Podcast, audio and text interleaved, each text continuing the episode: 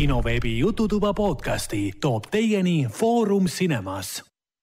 tere tulemast kuulama kinoveebi Jututuba, see on meie saja kuues saade. mina olen kinoartist, programmi juht Ragnar, minuga koos saates, nagu ikka on, kultuurikriitik Raiko. tervist, tervist. ja Foorum Cinemas programmi spetsialist Hendrik. tere, tere. kes on uute kuulajate jaoks minu lihane kaksikvend. täiesti. me tulime sealt välja. me oleme lihased kaksikud või?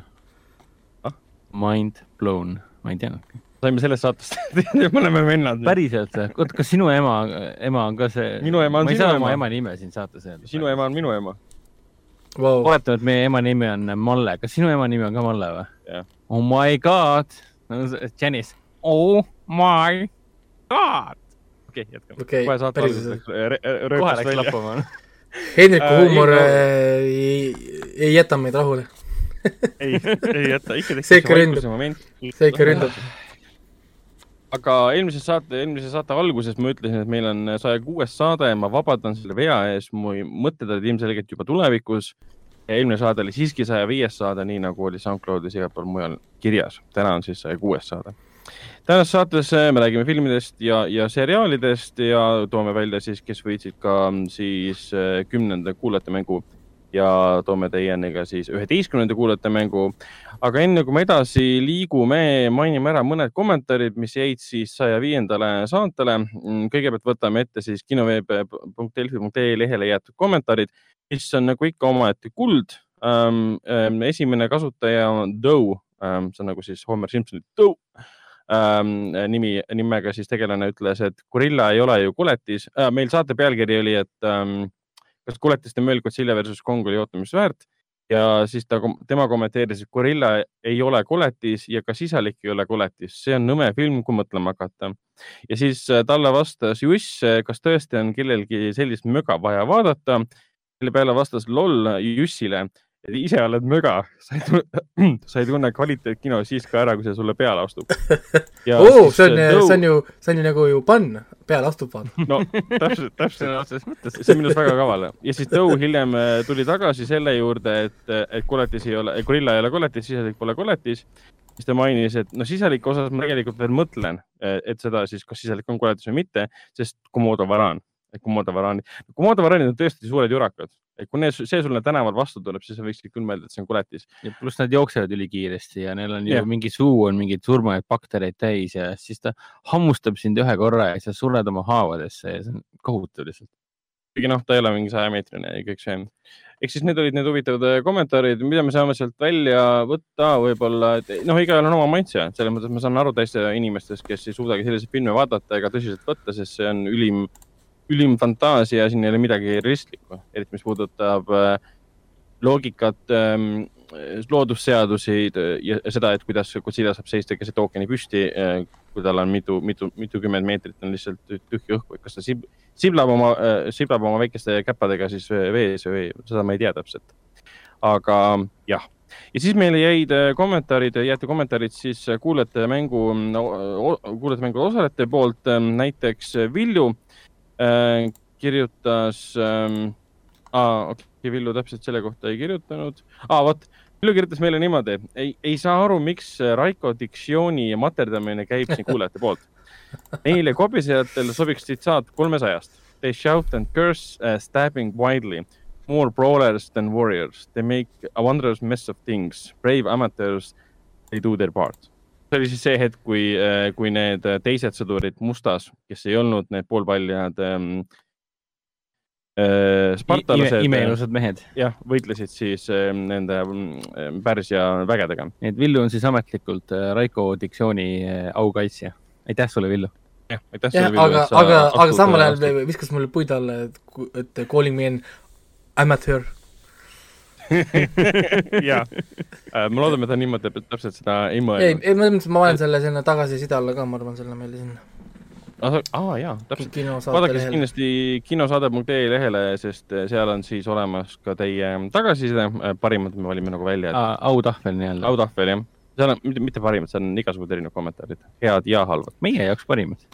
absoluutselt. Ja Mardu siis äh, kommenteeris ka, kuna Mardu eelmine kord siis küsis meie käest, mis vahendite abil me vaatame siin 4K uhkade filme, ja siis ta tänas meid pika ja põhjaliku arutelu eest 4K UHD teemal.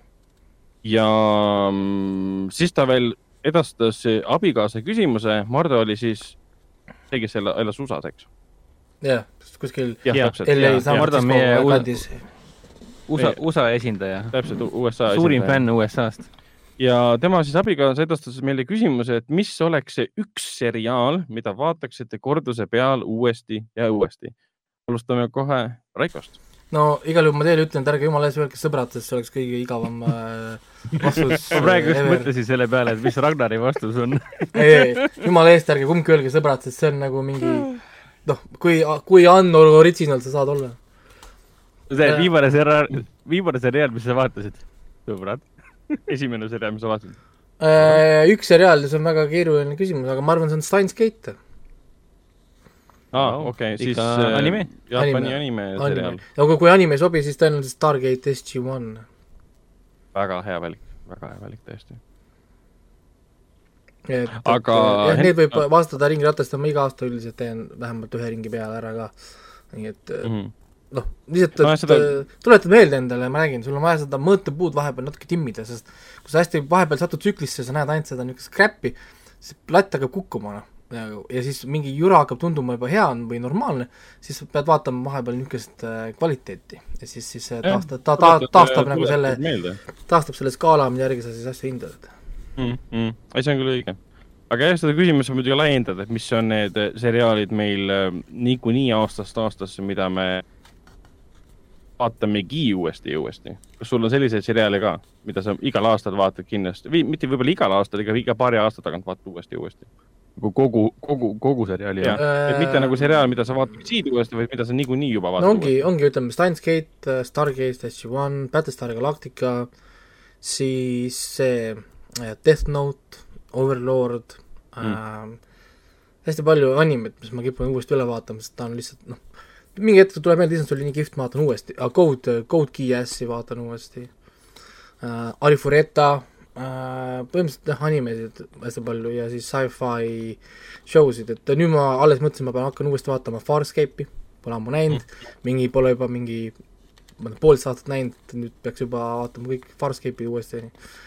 Et ja põhimõtteliselt kõik on kõik sama tegelikult, kui sa hakkad vaatama, siis Star track, Stargate SG-1, Battlestar Galactica mm, -hmm. Farscape, ehk siis väga selge teema tuleb välja, et kosmos adventure.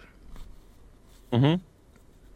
aga Hendrik, mis on, kõigepealt vasta küsimusele, mis on see üks seriaal, mida sa vaataks siit korduse peale uuesti ja uuesti? mitte see, mis oleks, no mis on. see võibki olla ka seriaal, mida sa vaatad praegu ka kogu aeg uuesti ja uuesti. sõbrad teeks. metsa sõpradega. mina, mina ei ole. ole. väga raske öelda.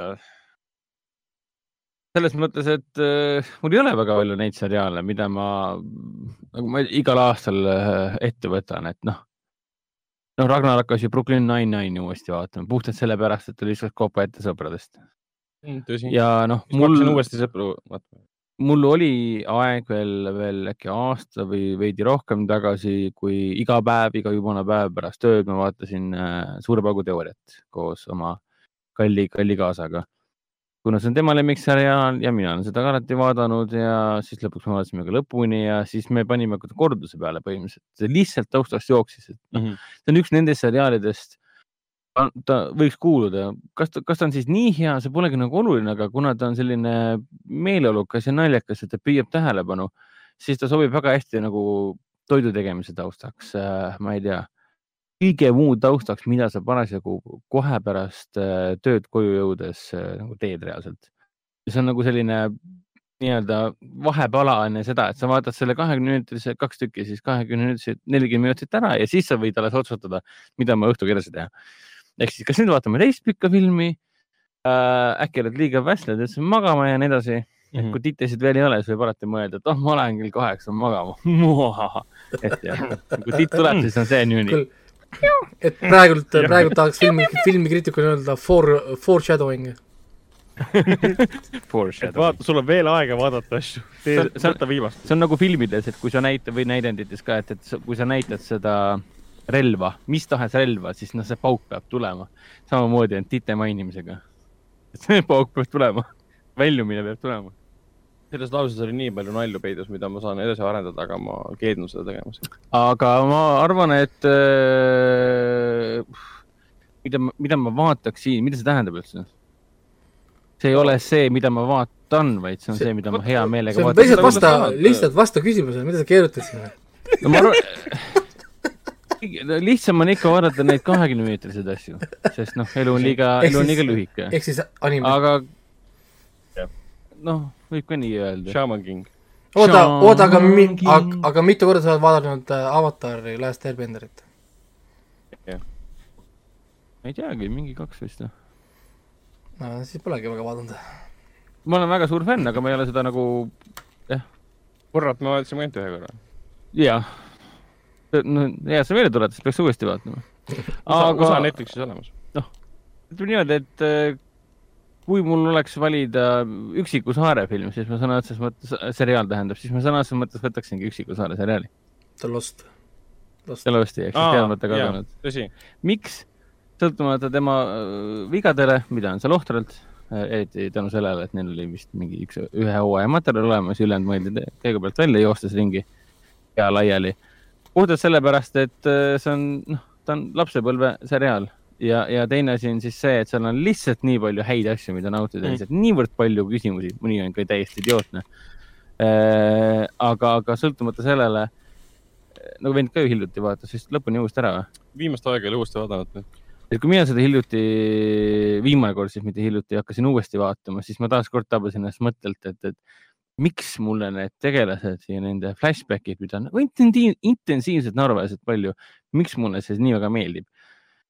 ja ma ei tea siiamaani sellele vastust tegelikult, sest tegelikkuses see on ikka sihuke seebiooper, kui vähegi on võimalik välja otsida. ja, aga seal ongi see. nimeta kõige, kõige hullumeelsem seebiooper ja siis ma ütlen sulle vaprad ilud, no sõbrad. vabandust, Lost. kurat, sõbrad, Lost ehk siis teadmata kadunud. ikka sõbrad tuli ära.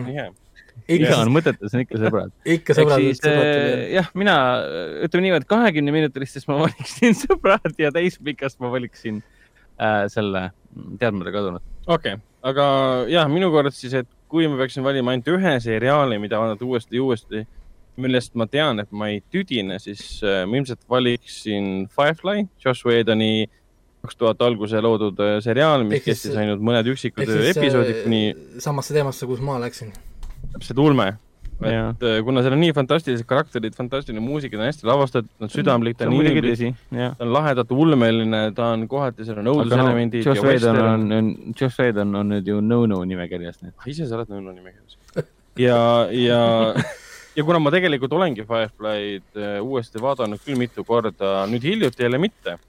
Aga kui no rääkida, me sinuga ammu vaatasime ikka nii palju mul on, mul on DVD. kollektsioon kunagi sealt äh, Viru keskuse laseringi, mis seal oli ostetud, see on siiamaani sinu käes muidugi.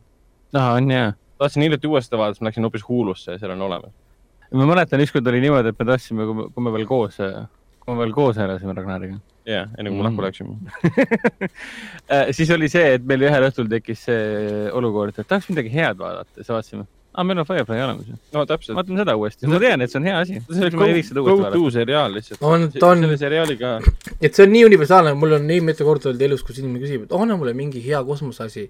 onju, oh, et ma olen vaadanud Babylon viite ja need Battlestar Galacticad, asjad on vaadatud umbes, et Farscape värgid on, mida ma vaatan, Firefly. aga ma ei viitsi, see on see meemisari, see on, see on, see on, pole midagi vaadata, seal ei ole midagi vaadata umbes, siis vaatab ära selle esimese hooaja, siis kas seda rohkem polegi või? Kuidas ta cancel sai, see on ju nii palju parem kui see mis äh, jah, nüüd sa saad aru, miks see on meemi oma, sest inimesed tahavad tagasi, tagasi seda saada. jah, ja no õnneks on film olemas, et saab filmi ka otsa vaadata, aga no see, see ei vähendanud seda kurbust fännidel, et ta, seda ongi nii vähe. ja no Firefly kuulub nüüd äh, Disneyle tänu Foxi üleostu, et siis vaatame, äkki kunagi on tulemas mingi uus. Aga üldse, kui ma räägin seriaalist, mida ma vaatangi uuesti uuesti, et Losti ma olen nüüd vaadanud iga paari aasta tagant uuesti ähm,. ilmselt ma järgmine aasta vaatan ta jälle uuesti, kuna see on lihtsalt suurepärane ja Band of Brothers Äh, relvavennad, HBO seriaal oli ka kaks tuhat alguse oma. seda ma olen avastanud ka, ma hakkasin üle vaatama ja eelmisel aastal ma vaatasin ta uuesti ja üle-eelmisel aastal ma vaatasin ta ka uuesti. seda tulebki nagu teatud aja jooksul vaadata, isegi mitte nagu aasta, võib-olla isegi kaks aastat vahet teha. Fantastiline seriaal, teise, teine maailmasõda. fantastilised karakterid nii äge action ja ta on täpselt nagu selline Reames Ryan'i, kuna sama produtsendid, samad filmitegijad. jätkulugu selles mõttes ja täiesti uskumatult hea asi. ja, ja ongi Band of Brothers, Lost, Firefly ja ilmselt Rick and Morty't ma olen ka nüüd naeruväärsel kombel äh, nii palju uuesti vaadanud, et kui ma Netflixis Rick and Morty ette võtan, siis ma vaatan, et ah, seda ma mäletan väga hästi ah,, seda ma nii hästi ei mäleta. ja, kui, kui võtta need kõige uuemad seriaalid, millest võiks saada asjad, mida vaataksid uuesti ja uuesti, uuesti. no Rick and no, Morty ongi üks nendest, jah. Rick and Morty, Solar Opposites, minu puhul siis mm, Kim, Kim's Convenience, mida teist hooaega praegu vaatan. taaskord tohutu suur armastus selle sarja vastu, nii tore asi lihtsalt Äh, midagi võib veel välja mõelda, mis siin hiljuti on tekkinud ah,. Mindhunterit vaataksin tõenäoliselt lõpmatuseni puhtalt sellepärast, et milline filmikunst see on. muidugi Stranger Things ja The Witcher. Stranger Thingsiga ma vist vaataksin ainult esimest hooaega. ja, ta läheb nii kihvtilt ja nii kiiresti, et, et kui ta muidugi läbi, läbi on muidugi ükskord sõltub, kuidas ta lõpeb ja millal ta lõpeb. sellest sõltub päris palju. jah, seda küll ah,. lihtsalt ma olen kibestunud vanamees, et ma peaks lihtsalt uuesti, uuesti. Nonii, aga liigume edasi, sest äh, aeg on maha. ja, ja, et äh, liigume räägime, edasi kuulajate mängu juurde. räägime kuulajate mängust, eelmine kord oli meil siis seitse kord, seitse küsimust, seekord on ka seitse, nii no,. jälle või, vau. jah äh,, sellepärast, et mul on nii palju neid lihtsalt, see on lõputu, lõputu äh,, lõputu lihtsalt, kui palju saab olla neid sarju ja kui palju inimesed tegelikult teavad ja kui palju nad oma elust on tegelikult pannud siis äh, nii-öelda meelelahutuse alla.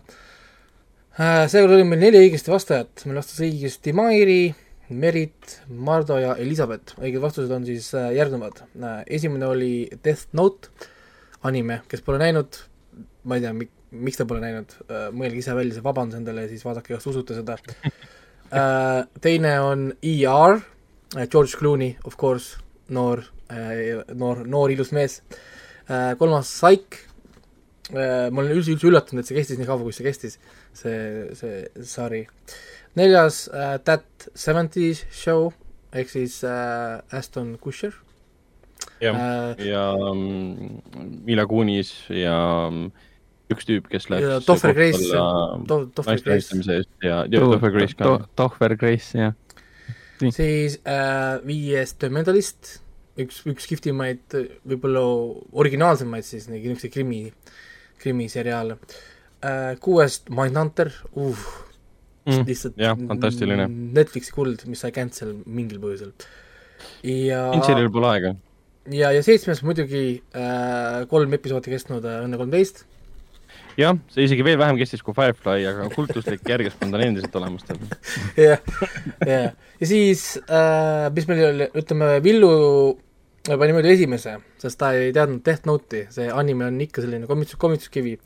ja kirjutas siia ka, et eh, ta võis loota, et tegemist, et tegu ilmselt mõne multikaga, mille vaatamise propagandat meie teeme ja mida mm. peab eh, varjama tuppa sattuvate pereliikmete eest, kui ei taha vastata arupärimisele, et a la, mis jama sa siin ekraanil vaatad aga jah, Death Note ei ole kahjuks selline, Death Note on ja. äh, sügav krimi äh,, krimi niisugune sci-fi elementidega krimi jah, psühholoogiline fantasy sci-fi triller. kui sa vaatad Death Note'i ja pereliige satub peale, siis ta võib küsida sinu käest, et kallis, mis huvitav psühholoogilist äh, õudust ja trillerit sa praegu siin jaa, on küll, sest, sest muusika, iga kord, kui Kira räägib, iga kord, kui Kira räägib või Ell hakkab rääkima, see muusika, mis tuleb. Mm., -hmm. kõik see arutelu, see on, see on nii põnev, sa lihtsalt vaatad, episoodid sulavad lihtsalt, sest sa nagu noh, kes see võidab, kes see võidab, kes ütleb üle, kuidas see käib, ja, ja see on nii kihvtid loogikalõksud, nagu ma olen, ma olin ise nii üllatunud, et näiteks nad noh, nagu, et ma ei tulnud asjade asjade peale seal, näiteks kui kihvtilt see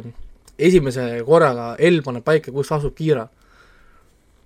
et ah,, et see tundub täiesti võimatu ju, noh nagu, et kuidas sa leiad üles inimest, kes saab äh, tappa kedagi, et ta kirjutab lihtsalt nime raamatusse, kus iganes maailmas ta on. ja L paneb ta asukoha paika. noh, nagu see mul oli, mul oli nagu mind, mul oli nagu mind blown, puhas loogika lihtsalt, et Sherlock Holmes oleks praegu nagu holy shit. et äh, jah, äh, soovitan vaadata. kui ma ei eksi, siis seda saab ka vist otse Netflixis praegu vaadata. või, või Crunchyrollist äh, või whatever, sest Death Note on nagu Demon Slayer, ta on igal pool äh,. Yeah. andke minna. aga kui näete Netflixis seda Death Note'i filmi, siis äh, ah, see on skip, see on skip. keelduge selle vaatamast. filmi võib vaadata pärast äh, seriaali läbi. ei üldse, ei seda ei või üldse vaadata selles mõttes, et, et meie, meie, meil on ainult üks elu inimesed ja Death Note'i film sinna ei mahu see on äh,. film, see on, see on film, mille pärast mul polnud usku Godzilla versus Kongi, sest see on sama reis ju. et see, et see, et see nali, mis seal oli, see hullem nali, kui ta kohtub Ryukit seal koos seal klassiruumis Aa, ma pole jah. nii palju naernud vist mitte üheski komöödiafilmis, kui, see jura. ta ki-, kil-, kiljus nagu mingisugune äh, väike lapsukene ja, ja ei, see oli hirmust. see oli täiesti nonsense. aga nii äh,, alustame siis tänast kuulete mängu number üksteist, kuulete mäng äh,, esimene läheb peale nüüd äh,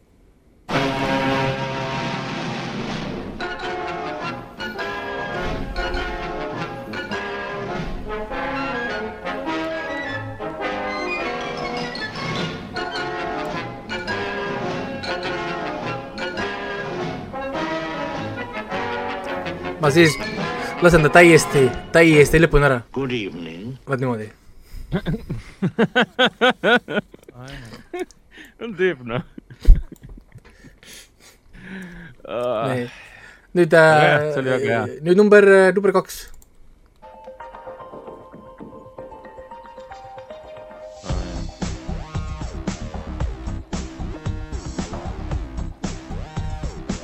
see on hea, see on väga hea.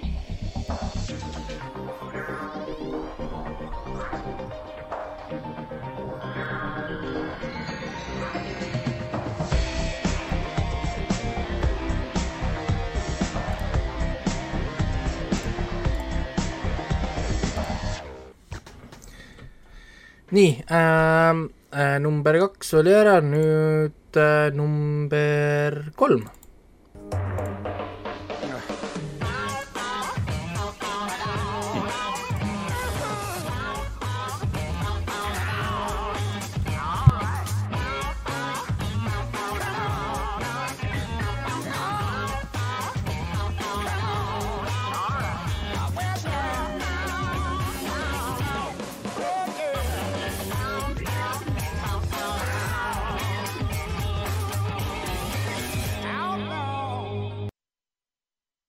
Nonii äh,, kolmas võib olla raske paljud jaoks, sest see ei ole enam super ultra mainstream äh,. Nad on natukene kopeerinud, kõik vastavad õigesti. nii, number number neli.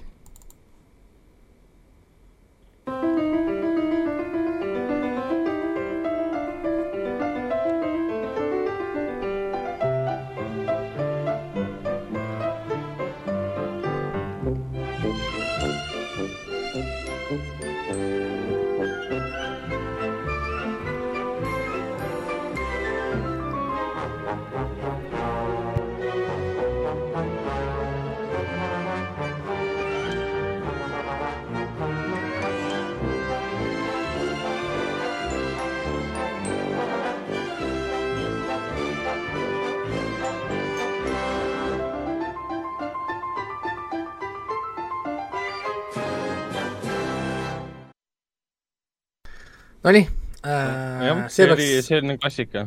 see peaks olema tuttav äh,, kui guugeldate seda sarja, seal on nii palju huvitavaid faktoide, mida ma, mida ma hetkel muidugi ei ütle, aga mul oli ikka väga palju niisuguseid vau-momente, kas tõesti äh,.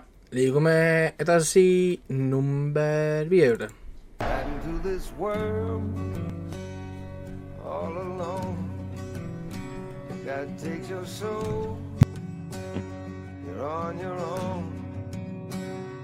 Crow flies straight, a perfect line. On the devil's bed until you die. Gotta look this life in the eye.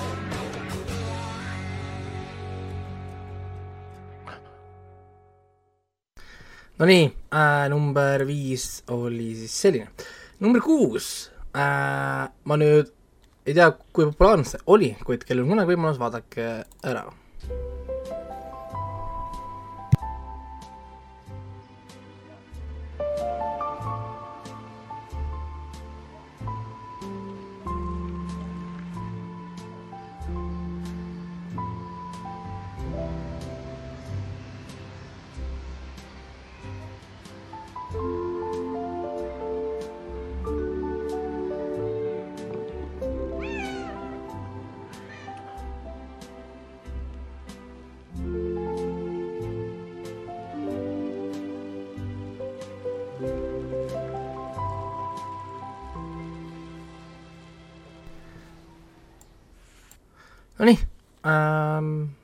äh,, hästi kihvt asi äh,, kahju, et see läbi sai. aga nüüd number seitse, viimane täna.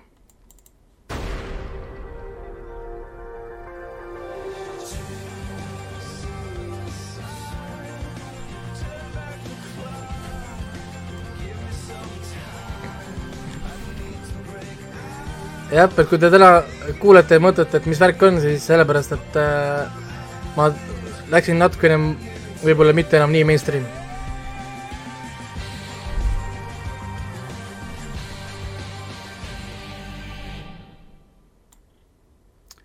jah, et täna ma panin äh, rohkem sarju, mida ütleme, mina ise peaksin teadma siis võib-olla, keda ma peaksin siis elukutsuseks mm, -hmm. et võib-olla päris tavalised filmisõbrad ei pruugigi neid teada. aga testime, vaatame oskuseid, kas suudate välja mõelda, mis need olid. seitse tükki, järgmine neljapäev on see tähtaeg, milleks on siis Viisteist, äh, viisteist aprill, samuti kell kaheksateist õhtul.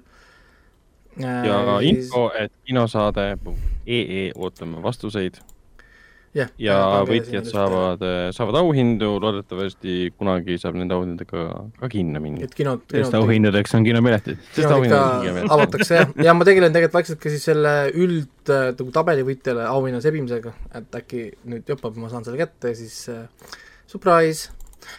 nii ähm,, nüüd on teie saatejuhid, näidake, mis oskus teil on, te olete jälle laivis.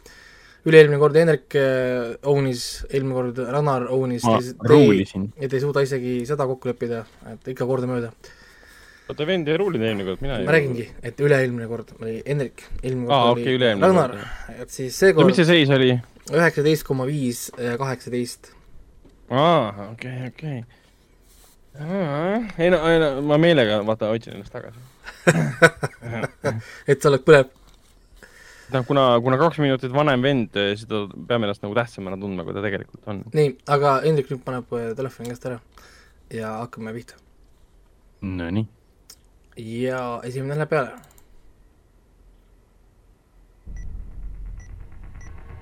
kakskümmend neli kakskümmend neli. ja Ragnar sai, aa, see oli klassika. viis sekundit läks aega, viis sekundit, viis sekundit. ära, viis, ära ropenda nüüd ma niimoodi. olen kuri. See oli, see oli õlikindel jah, see on, tunned kohe selle ära. ja seal mingit erilist muusikat tegelikult ei Oli kõik.. oligi põ- põhimõtteliselt, äh, ja oli kohe valmis. et see on ko- kokku kaksteist sekundit pikk jah, ja viiendal sekundil saite siis kätte. Mhm. tubli, sellega vist algasidki need ülilühikesed või? koos Loftiga ja sellega või? jaa, sest enne olid ikka mingi viisteist minutit vaatasid algust tiitidele, kui sarjani jõudsid. ei no HBO teeb endiselt täpselt üheksakümmend sekundit nagu on anime introd. nii et äh, noh, aga, aga samal ajal mulle, Tahaks mulle, mulle meeldib, et on nad panevad seda po-, power'it ja nagu vaeva sinna introsse, siis on nii kihvt, see Mm. viib sind nagu, nagu sisse sarja uuesti või no loob selle tuju sulle. muidugi. see on ju omaette kunst tegelikult. see peab asja juurde käima, seda ei saa nii. ära võtta. näidake skill'i, number kaks.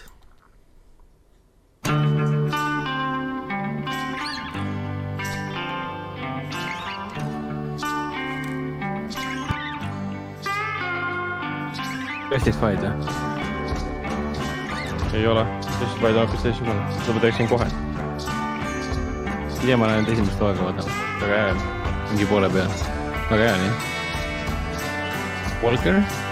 ei ole. ei saa olla Walker Texas. uus Walker äkki? uus Walker Texas ei ole. ei tea, mis see on, see, ma ei ole näinud seda täna. see on äh, üks nendest üheksakümne sekundilistest introtest, millest ma just rääkisin. ahah, jälle mingi legendaarne seriaal, mida me Äh, jaa, see on tõesti legendaarne seriaal, sul lihtsalt on elus äh,. peaosaline, tekitab asi või? peaosaline on siin see, kes on siin Illustrites meemides käinud läbi, kui tema ja Rami Maleki nägu vahetatakse ära ja mitte midagi ei muutu.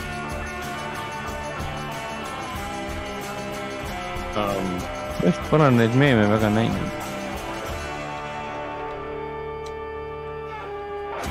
Ei ole ju Bonanza.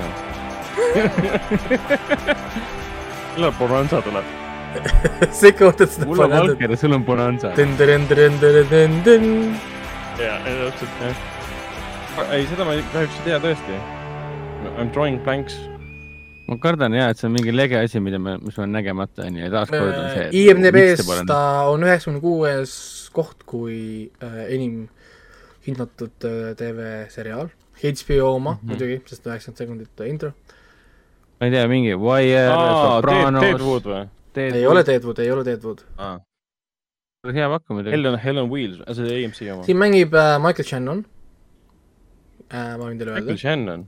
jah, Michael Shannon oli, aa, Boardwalk Empire.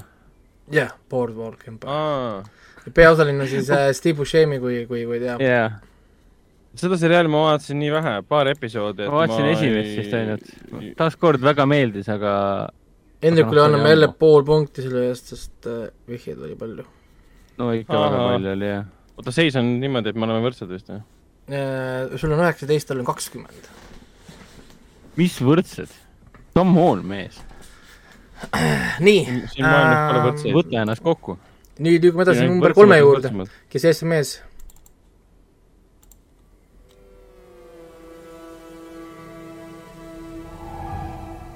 Hannibal. jah, jaa, on jah, Hannibal. täitsa õige, täiesti õige, täiesti õige. see on hea, see on, jaa, selle õnneks ma tunnen ära. kuradi aeglase algusega. et see, et see ei jõudnud Ja see isegi, isegi pihta hakata veel, ma panen korraks peale. hullult hea on see.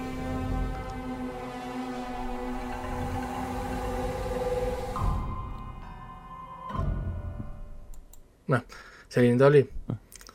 Aga ei. Ragnar sai kätte tõepoolest, nüüd on kaks, kakskümmend, kakskümmend, ehk siis te olete kõige igavamad äh, selle koha pealt, et saab olla, aga üks, üks on veel, üks on veel täna, üks on veel, olge valmis, kes tuleb ja, ja kes ees on mees jälle. kurat, samas kui te pole näinud Board, Boardwalk Empire'id, siis te pole ka näinud seda.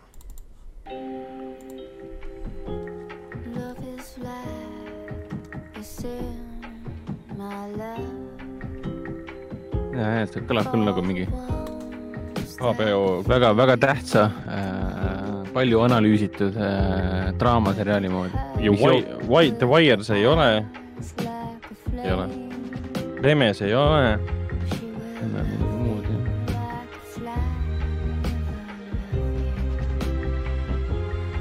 äkki on see Better Call Saul või?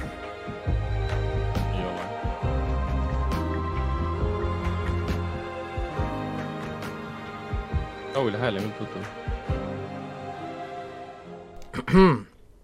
selge äh,, jah, te ei kuule vastust, kuid ma saan teile anda vihje äh,, ma ütlen teile ühe huvitava vihje äh, ühest teisest filmist, kus seesama näitleja on äh,. Today we are cancelling the uh, apocalypse.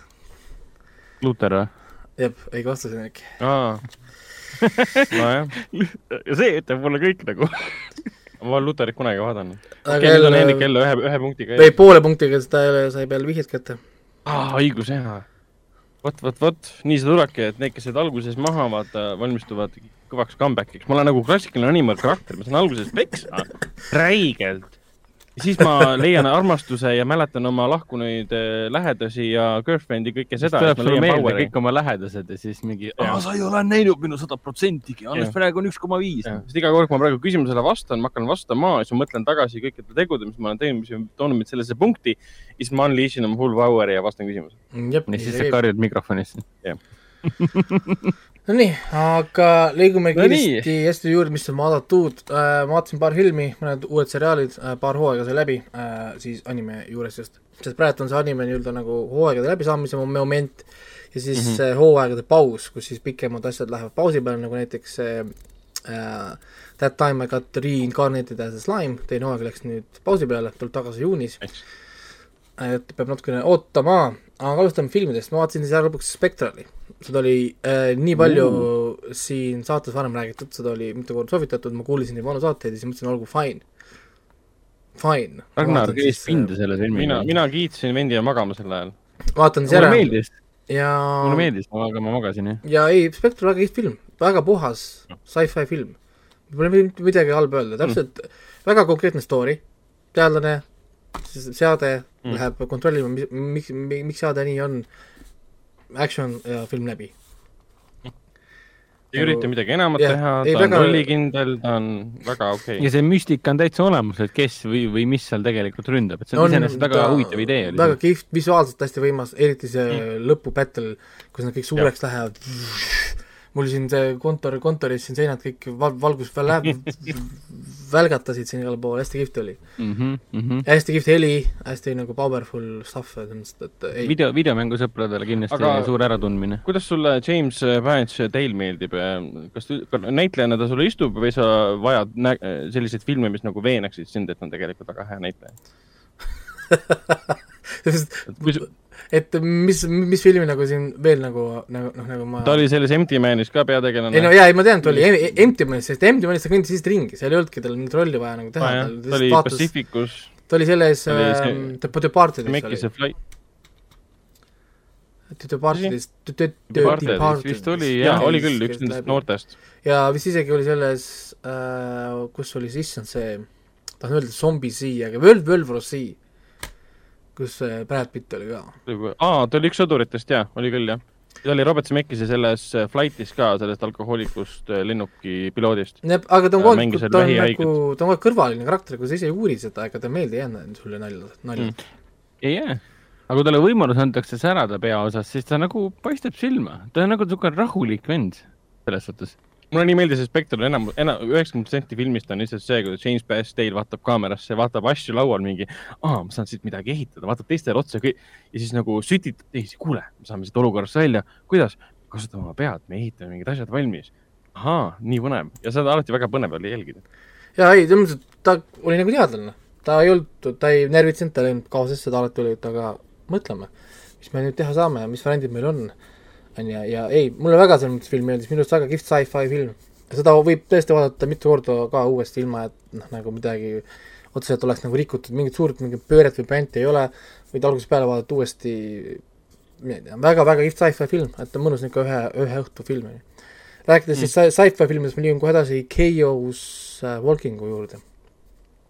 Mina ei jõudnud seda vaadata, andke mulle andeks. aga mainime siin ära, et kuidas Kees Walkingut üldse vaadata saab no selle peab rentima, nad tahavad raha saada sellest jah, üheksateist, üheksakümmend üheksa või üheksakümmend viis või oleneb siis, kus äh, kus platvormilt seda vaadata, mina vaatan läbi Voodoo või Redboxi on kaks põhimõttelist kohta, kus ma tellin äh, või siis iTunes on veel mugavam, aga tihtipeale iTunes äh, meie Euroopa regioonis ei taha väga äh, asju nagu panna siia, enne kui nad on kõik kakskümmend viis ringi ümber maailma ära teinud.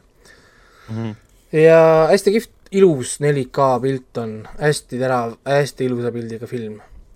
et, et selles mõttes küll, et seda soovitaks tõesti suurel ekraanil vaadata, kui need, kellel on võimalik. ja samuti jah, heli kui ka, kinod avanevad, tuleb kinno ka meile. ja, ja samuti heli ka äh,, jube kihvt on see heli, see nii-öelda see noise, see tausta, see müra mis käib, mõnusalt ikka mürisevad, see on kinofilm selles mõttes, ta on nagu ehitatud, disainitud kinofilmiks, et äh, et kodustes tingimustes, eriti kui keegi tahab vaadata seda arvutisse kõrvaklappidega, siis halloo äh,. parem parem- parem- suure eraoluline epos. pa-, parem, parem parem ärge, ärge vaata seda niimoodi. et, et sa lihtsalt jääd ise ilma, noh, kui sa niimoodi vaatad seda, noh, sa jääd ilma nii suurest osast nagu filmist minu arust, kui sa nagu noh, lähed, oo, ma vaatan story't ja karakterit, siis sa avastad, seal ei ole väga palju story't, seal ei ole väga palju karaktereid. et, et ta on, see visuaalne pool on tegelikult hästi, hästi, hästi suur osa filmist.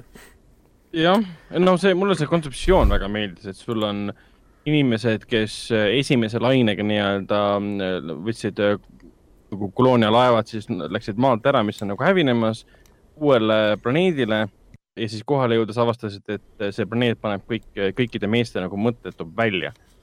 kõik, mida mehed mõtlevad, siis see on kõik noisina nagu lärmina kuulda. et see sa ei saa ühtegi oma mõtet varjata no mõttes jah, et sa, kas sa kuuled seda või sa näed täitsa isegi visuaalselt nagu jah, täpselt ja Nagu- see, see mulle kõige rohkem me, me, meeldis ka, et see vä- vä- värvidega toodi välja see. et see oleks nagu mingi hologramm põhimõtteliselt tekib, et ala, kui mees Jah. mõtleb, ma ei tea, majast siis või, või autost või naisest, siis tekib nagu põhimõtteliselt nagu hologramm mm.. oleneb, kui tugevasti keegi mõtleb midagi.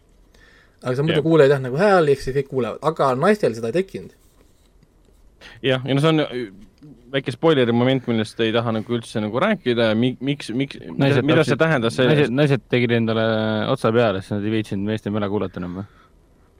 kui sa kuuled kogu aeg nende põhimõtteliselt- pealt. põhimõtteliselt sa praegu spoilisid filmi. jah, ma ei ole filmi näinud, päriselt. aga noh, loo nagu point must, huumor päästis päeva. loo nagu point ongi selles, et eh, kunagi mitukümmend aastat või rohkem tagasi nad tulid wow. sinna planeedile. ma ei taha teada, mis asja, see on planeet, see polegi planeet Maa või? ei, Aa, ta just, ta just Ei,, ta rääkis ju, et see on uuele planeedile koloniseeritud. jaa, aga ma juba face'is, ma face isin telefonisse, nüüd sa paned, nüüd ma, kui ma sekkun vestlusesse, siis sa spoilerdad. mina arvasin, et see on planeet Maa, ma ei tea Aa. rohkem mitte midagi. no igatahes, mis kümme Jah. aastat tagasi, sa ei tohi rääkida, spoilerdada niimoodi. ühesõnaga, okei okay,,. inimesed inimesed elavad, saan avalik info, inimesed elavad äh, planeedil, kus siis nende mõtted tuuakse kõik välja. Nagu treileris on ka näha, et seal Daisy Ridley karakter küsib, kus kõik naised on, mille peale siis Mads Mikkelson eriti võimsas selles äh, vammuses kasukas vastab, et nad on kõik surnud. miks nad on surnud, seda, selleks peab muidugi filmi vaatama ja ongi ainult mehed seal planeedil, mehed, kes ei pea ühtegi sõna ütlema, aga sa kuuled kõike, mida nad ütlevad. ja üks asi, mis mulle filmis ei meeldinud, oli see, et nad jätsid kasutamata kõik need elemendid, kaks korda kasutasid seda, et see Tom Holland ühel hetkel kasutas seda, et ta yeah. mõtles mao peale, madu tekkis ja seda kasutati ühe korra veel filmis. See on reaalselt nagu mingi teema seal filmis või? Ja- see ongi, see ongi kogu No teema, see ongi kogu teema, mitte te, mitte kas see on teema, vaid see ongi kogu teema. jah, et kui sa mõtled näiteks äh, mingi koletise peale, see koletis tekib su silme ette, sa võid teise inimese ära petta sa mõtled naise peale? jah, ja ongi Jah. ja, ja, ja Wow. kui sa, kui sa näiteks näedki mingit naist ja sa. Ja sa mõtledki vahekorrapealse naisega, siis sa saaksid seda teoorias äh, projekteerida kõikidele näitamiseks näiteks või siis, kui sa mõtled, mida sa eile õhtul tegid no, oma naisega näiteks või sa küsid kellegi käest, et sa tead, et magasid, küsid seda ja siis ta ei suuda näiteks mitte mõelda selle peale, siis kõik, kõik näeksid seda kohe. täpselt. et näiteks Tom Hollandi karakter, siis tema üritab seda peita niimoodi, et ta korrutab omaenda nime. Ta ei mõtle. jaa, ma filmi algust veidi vaatasin, ma mõtlesin jah, miks ta seda korrutab, kas ainult sellepärast, et publikule jääks tema genereeriline nimi meelde või sellepärast, et neid mõtteid võib kuulda lihtsalt miilide kauguseni, sa ei saa ennast võsas isegi peita, sest inimesed näevad, et sa oled võsas. kuulevad lihtsalt osas. Nad ei kuule sind, nad näevad visuaalselt sinu seda noisi. aa, mingid liblikad lendasid tal pea ümber. ja see, kui sa mõtled lülikate peale Aa, see näiteks ongi niimoodi, et, et näiteks noh, point on selles, et Tom Hollandi karakter puutub kokku naisega, keda pole keegi väga sada aastat näinud ja hakkab temaga põgenema erinevatel põhjustel. see on klassikaline kangelase No, lugu jaa. muidugi, inimene, kes elab oma traditsioonilises keskkonnas, kus ta teab kõiki reegleid, kõike ajalugu, kõike seda. no saabub võõrkeha ja siis ta avastab, kõik pole päris nii, nagu ta arvas, et on olnud, lähevad siis teekonnale, et avastada tõde. seal ongi näiteks üks stseen ka okay., kus nad näevad, kuidas pahad ajavad neid nagu taga. Nad ei kuule ega näe neid, no aga nad näevad läbi siis puude latvade on näha, kuidas on see värviline noisi pilv nagu ja see visuaalne efekt oli minu arust väga äge. Aga mul on üks väga tähtis On. küsimus Raikole ja, ja Ragnarile, et äh, mitu aastat pärast Avengers Endgame'is ja siis aset leiab see on, ja, ja kuidas ometi Star Wars ja MCU siis ometi kokku pandi? On pärast seda, kui, kui ähm, see, mis selle Star Warsi, mis selle nimi oli nüüd? Rei. Rei, Rei, Rei Skywalker otsustas minna uusi planeete avastama, sest leidis sealt eest Oh, oh. Spider-man'i, kuule kes, oli põgenenud teisele planeedile. Spoilerid, sa ütlesid olles, praegu, olles kurb. sa ütlesid pead Rey Skywalker, what the fuck. Rei Skywalker sai kokku siis äh, Peter Parkeriga. sa räägid ikka Rei, Rei Palpatinist. Ray Palpatine, Palpatinist jah.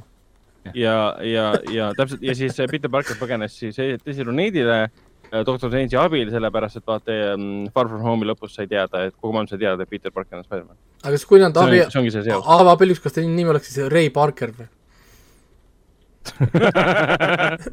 jaa. kui nad lähtuvad traditsioonidest, siis jaa, Ray Parker, see on päris hea. okei, mina sain oma küsimusele vastuse, aitäh. aga, aga põhimõtteliselt ei, minu arust oli väga niisugune average sci-fi movie oli, et üks õhtu jälle väga fine, istud siin diivani peal, jood natukene mahla ja teed ja, ja sööd Mm. popkorni ja väga nagu chill.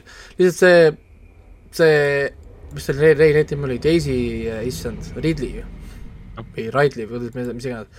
Ridley. Äh, Ridley peaks olema jah. ta nii pointless roll on tal siin, ta nagu väga ei oma mingit nagu tähendust, et tal lihtsalt, lihtsalt Ta nagu ei tee väga midagi, väga vähe jah, nagu on nagu teemas, natukene jookseb ja natuke hingeldab ja, ja muud ta nagu ei tee, ainult vahib seda noisi kogu aeg ja ja siis ütleb paar sõna, et, et nagu nagu noh, ma ei tea, ühesõnaga siin nagu mingi, mingi asi nagu puudus filmis, ma kogu aeg vaatasin seda, ta on ilus, ma räägin, ta on visuaalselt nagu powerful, aga siis ongi nagu see, et aga kus on nagu see, see mahlane osa on, noh nagu see, mis mis, mis tekitaks nagu, nagu, nagu seda vau, vau, vau asja, aga siin ei olnudki seda, seda ja seda ei sa räägid tulnud nüüd filmist või Daisy Ridley'st? filmist, teisest riidist ma rohkem ei räägi, see on aa, okei, ma olin praegu segaduses, et kes see ilus siin oli vau-efekti tekitab, kas film või Daisy Ridley? Sorry, ma olin, ei, vaikusele. Panna vaata see, kriketid jah? ma peaks selle kriketi sound efekti panema siia pulti endale, ma saan kohe, kohe kui või see? Hendrik teeb nalja. Hendriku naljasekundid, nii lame. Lihtsalt salvestushetk siia sisse kümme sekundit vaikust, mis mõjub nagu kümnetunnine. aga ma olen äh, Raikoga nõus selle koha pealt ja et see, see lugu ja need karakterid ei läinud väga korda. kõik tegelased mõjusid nagu vahendid viivad mingite asjadeni ja need asjad, kuhu nad välja peavad jõudma, oli kõik väga arusaadav, sest jällegi ülimalt klassikaline kangelase nagu kaarega jutustus oli see. Mitte ühtegi üllatust, ainuke üllatus oligi see, kuidas seda noisi kujutati, mis see planeet on, mis naistega juhtus, mis see taust on. aga kui see hakkas nagu maha kooruma, me saime teada juba, mis need asjad on, kuidas need töötavad, kes seal veel metsas on, siis ma vaatasin ja, et noh, mitte kellelegi otseselt kaasa ei ela. no okei, ei- peategelasele võib-olla neil ei kasutamata üldse see põliselanike storyline, täiesti ja kasutamata. see see lihtsalt öeldi, et meil oli sõda ja siis kadus ära kõik, okei okay.. Ja siin oli nagu siuke tunne, et nad tegid, tegid, kuna see põhineb raamatuseeria, kus on kolm raamatut. esimesel raamatul põhineb siis. jah, kuigi ma lugesin selle esimese raamatu lõppu, mis üldse ei kattu sellega, mis filmi lõpp on. nojah, ja mul jäi mulje, et Sellel- filmi lõpp on võetud teise või kolmanda raamatu lõpust üldse. nad hoidsid ühte ja lõpuks on ta teine ja see on üldse väga segane, et mida nad tegelikult siis adapteerisid siin, ekraniseerisid, kas tundub- esimest osa või kogu seeriat tundub, et nad tegid ikkagi kogu seerias nagu mingil sest seeria nimi on Chaos Walking. Sest film lõppes ise niimoodi ära, et ta muut-, muutus nagu lõplikult lõppes. jah, ta, jah, ta sai nagu läbi ja selles mõttes, et, et siin see, et rohkem ei tule seda filmi enam. kuigi see.... ja ma lugesin raamatu lõppu, esimese Jah. raamatu lõpp olevat niimoodi, et täielik cliffhanger. kuigi see raamatuseeria on äh, nagu kriitiliselt väga hästi, väga Jah. kiidetud, väga hinnatud, auhindu võitnud Aga ja noh, nii edasi. selle filmiga oli palju probleeme, et ta on äh, kolm aastat tagasi üles võetud. isegi rohkem juba nüüd. rohkem juba kaks tuhat seitseteist, kaks tuhat seitseteist, ja neli aastat lükati juba enne koroonat mitu korda edasi, sellepärast et tal tehti seda audience test screening ut ja kõik inimesed vihkasid seda filmi. filmiti ümber, kutsuti uued režissöörid, monteeriti ümber, näitlejad olid vahepeal hõivatud oma Marveli ja Star Warsi filmidega ja siis Daisy Ridley tegi vahepeal Rise of Skywalkeri ja. ja Tom Holland oli MCU-ga töös. ja noh, filmi, kuigi režissöör ise, Doug Raymond, no täpselt, ta on üliäge fantastiline. režissöör, kelle eelmine film või oli vist eelmine, üle-eelmine film oli see Age of Tomorrow, nojah, mis on nagu klassika, ulmeklassika praegu juba nii-öelda. Doug Raimelil on seal HBO-s, Telia HBO-s on ka olemas see mis asi? Sylvester Efferi ja, ja Anne Hathaway'ga see Lockdown äh,. aa, see on ka tema oma Jah. Doug Raymonil on see asi, et ta mõnikord teeb klassikat, tulevast ulme või fantaasiaklassikaid ja mõnikord ta teeb või action klassikaid ja mõnikord ta teeb mingit ta tegi ju härra ja pro- proua Smithi esimese Borni filmi ka. nojah, aga jah, selle filmil on näha, et anti liiga palju raha filmile, kus oli liiga vähe lugu. siis seda üritati asendada võimalikult palju sellise, isegi action'it ei olnud filmis palju, ma olin nii siiralt üllatunud, et action'it oli vähe. ja, ja üks koht mulle kusjuures väga meeldis, ma olin üllatunud, et see ei muutunud mingisuguseks äh, pateetiliseks, et mina ohverdan end teie nimel. no Raiko vist teab, mis ma mõtlen, see oli see üks, üks linna, linnakoht Jah. kuhu nad jõudsid. ja, ja ma ootasin, et see laheneb hoopis teistmoodi, see lahenes hoopis ühtemoodi, ma olin sellega nagu väga rahul. aga jah, selline väga okei okay film, visuaalselt võimas vaadata, aga ta ei ole kindlasti väikse ekraani film, sest ta nagu ei suuda sulle midagi väga pakkuda. ja idee iseenesest sõltumata keskpärasest filmist, aga ma saan aru, et idee ise on äge. kusjuures Jah. me peame, me peame vaatama, et Doug Lyman tegi äh, Jumperi. ja ta tegi küll Hayden, ei, mitte Hayden, vaid äh,. Ei olnud Hayden või? Hayden Christensen, ma tahtsin Jah. öelda Hayden Bennetti, aga see ei vasta küll tõele Jah.. Christensen, Christensen. ja Samuel Jackson blondide juustega. no hea õigus jah, oli, seda tehti kõvasti maha. ta on nagu hit or miss režissöör selles suhtes, et aga ta on muidu äge. no et ma arvan, mis teos või noh noh, Born Identity ja Mr ja Mrs Smith ja mm,. Mm. seal nad ju said kokku vist või, esmakordselt, Jodie ja tänu temale tekkis äh,, pani paari. pani, pani paari jah, okei okay,, selge pilt. Hollywoodi esikpaar. Nonii, aga selge. vaatan ka selle keskpärase Äh, filmi ära. jah, aga proovi leida endale suur ekraan selleks, sest sa muidu äh, jääd ilma olen, olen. õnnetu. Tule mulle külla. jah, ja, ja ma vaatasin täna täna ära ju selle liigume, liigume edasi, sest jah, aeg on raha. Thunder Force. vaatasin täna, vaatasin täna ära siis Netflixist. põnev koomiksifilm. see on siis Netflixi uus film. täna, üheksandal aprillil, kui me siis seda lindistame, tuli siis Netflixi, kus kohas siis Melissa McCarthy ja Octavia Spencer võitlevad siis superkangelase vastu, tähendab, et noh, nagu superkangelastena äh, kurjamite vastu. Story on mingi selline, et kosmoses kukub mingi stuff'i alla, osad inimesed siis äh, valitud, osad inimesed saavad supervõimed ja need inimesed, kes saavad supervõimed, on kõik sotsiopaadid, sest nendel on nagu, nagu eelnevalt äh, diagnoosimata sotsiopaatia ja siis muidugi ühesõnaga siis tekivad ainult pahad kurjamid, pole tegelikult olemas häid superkangelasi. Ja, ja siis Octavia Spenceri karakter on siis äh, nohik teadlane, kes siis pühendab terve oma elu, et, et leida viis, kuidas anda headele inimesele võimeid ja siis tema kasvab üles sõbrannaga, kes on siis Melissa McCarthy Melissa McCarthy mängib Melissa McCarthy't, selles mõttes, et nagu ta on jah, igas rollis samasugune. ongi, ongi nagu kõik. Ja ühesõnaga kasvavad üles poolkogemata, Melissa McCarthy saab endale super strength või siis nagu superjõu ja Octavia Spencer siis saab endale siis nähtamatuse võime ja nad kahekesi koos loovad siis Thunder Force nimelise võitlustiimi duo, kellega hakkavad siis võitlema Chicagos kurjamite vastu ja see film on täiesti loll film selles mõttes, et aga ma teadsin, et see on loll film, selles mõttes, et noh, nagu, Jah, nagu kõik sa, sa teadsid kõik, esiteks, siin on mitu asja, mis ütlevad, et see on loll film, esiteks see on Melissa McCarthy abikaasa Ben Falcone film. järjekordne. jah, Ben Falcone teeb siis ainult filme Melissa McCarthy jaoks, ta, ta viimane oli ta Super Intelligence, mis äh, oli film. täielik möga. aa, siis ta on nagu Siis- Paul W. Anderson, kes teeb millega.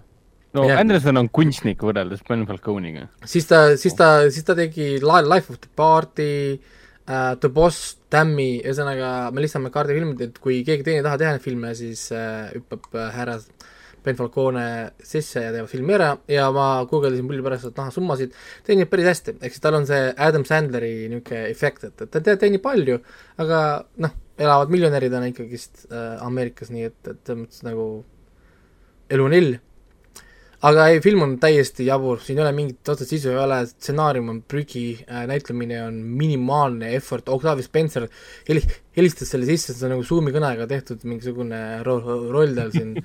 Ähm,. visuaalselt on täitsa ilus, ilusti 4K-s, Netflixis jookseb, eriefektid on väga ilusad, supervõimed on vägevad. Aga loll on. Ja, aga ma räägin, see on nii loll film, et ma naersin pidevalt, sest ma ei saanud aru, kas ma naersin, sest see oli naljakas ja ma naersin, sest see oli loll võib-olla mõlemad samal ajal, aga ma naersin päris palju selle filmi jooksul ja, ja s- nagu kurb veitsa, ma olen natuke pettunud iseenda nagu selle huumorimeele üle, et miks ma selle üle naersin, see oli see võib ju tähendada, et see, et see McCarthy ja Falcone'i see tase on jõudnud siis sinna kohta, et ta on nii rumal ja nii loll ja nii madallaubaline, et see on lihtsalt juba lihtsalt nagu oma olemuselt piisavalt naljakas, et seda aga siin saaks, siin, siin, siin on see, mida on vaadata, tõsise näoga väga raske vaadata, ma tahaks tegelikult panna inimesed siia ekraani ette ja panna peale need stseenid ja hoidke oma nägu sirgena, nagu kivi nägu nagu test audience nii-öelda. see on väga, väga raske, näiteks siin on üks äh, kurjem siis, keda mängib Jason, see Bateman või kuidas see on see. Bateman, jah? Aa. ja, ja siis tema kurjem on see, et tema käed on krabikäed. on ju, et see ongi tema nagu siis see Mr Crab või? noh, nagu see skill ja kui nad kohtuvad, siis esimest korda nii-öelda nagu võitluses siis omavahel, Melissa McCarthy ja siis nad hakkavad flirtima omavahel. mida? jah, nad hakkavad flirtima ja siis, siis, siis, siis neil on nagu tseen, kus nad kujutavad ette, kuidas nad tantsivad omavahel. ja siis hiljem filmi lõpus on näiteks nendel äh, armutseen ja siis kuidas Melissa McCarthy proovib kasutada libestita nende äh, käte peal. jah, Um, What the fuck? ja, ja siis, siis, kui tal on abi vaja, siis ta mõtlevad, kutsu, kutsu arsti, ei, oota, ära, ära, ära, ära kutsu arsti, kutsu loomaarst, oota ei, ära kutsu loomaarsti, kutsu, kutsu marine biologist. okei, see on, me naerame praegu selle nalja üle. oh my god, kui debiilne.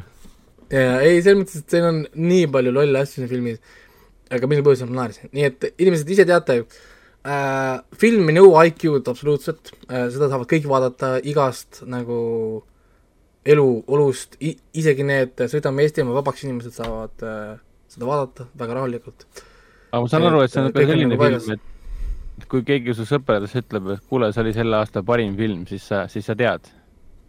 See on nagu fil-, filter. ei no selles mõttes, et, et üldiselt, kui sa oled nüüd siin koroona jooksul neid sõpru blokeerinud, kes seda anti-vaxxerit, anti-mask asju jagavad, siis neid sõpru ei tohiks tegelikult väga olla, kes ütlevad sulle, et see on aastafilm. aga kui mõni on veel jäänud ja, ja on läbi lisanud, siis on see see on võib-olla variant, kuidas nad välja sõeluda. et, et see on see, et kuidas tänapäeval äh, korrastada mu sõbralisti, et kui tuleb see anti-vaxxerite ja anti-maskerite see ähm, uus event nii-öelda, et lähme kuskile vabakale seisma, siis sa vaatad seda osalejate listi ja vaata, palju seal sõpruses kirjas on.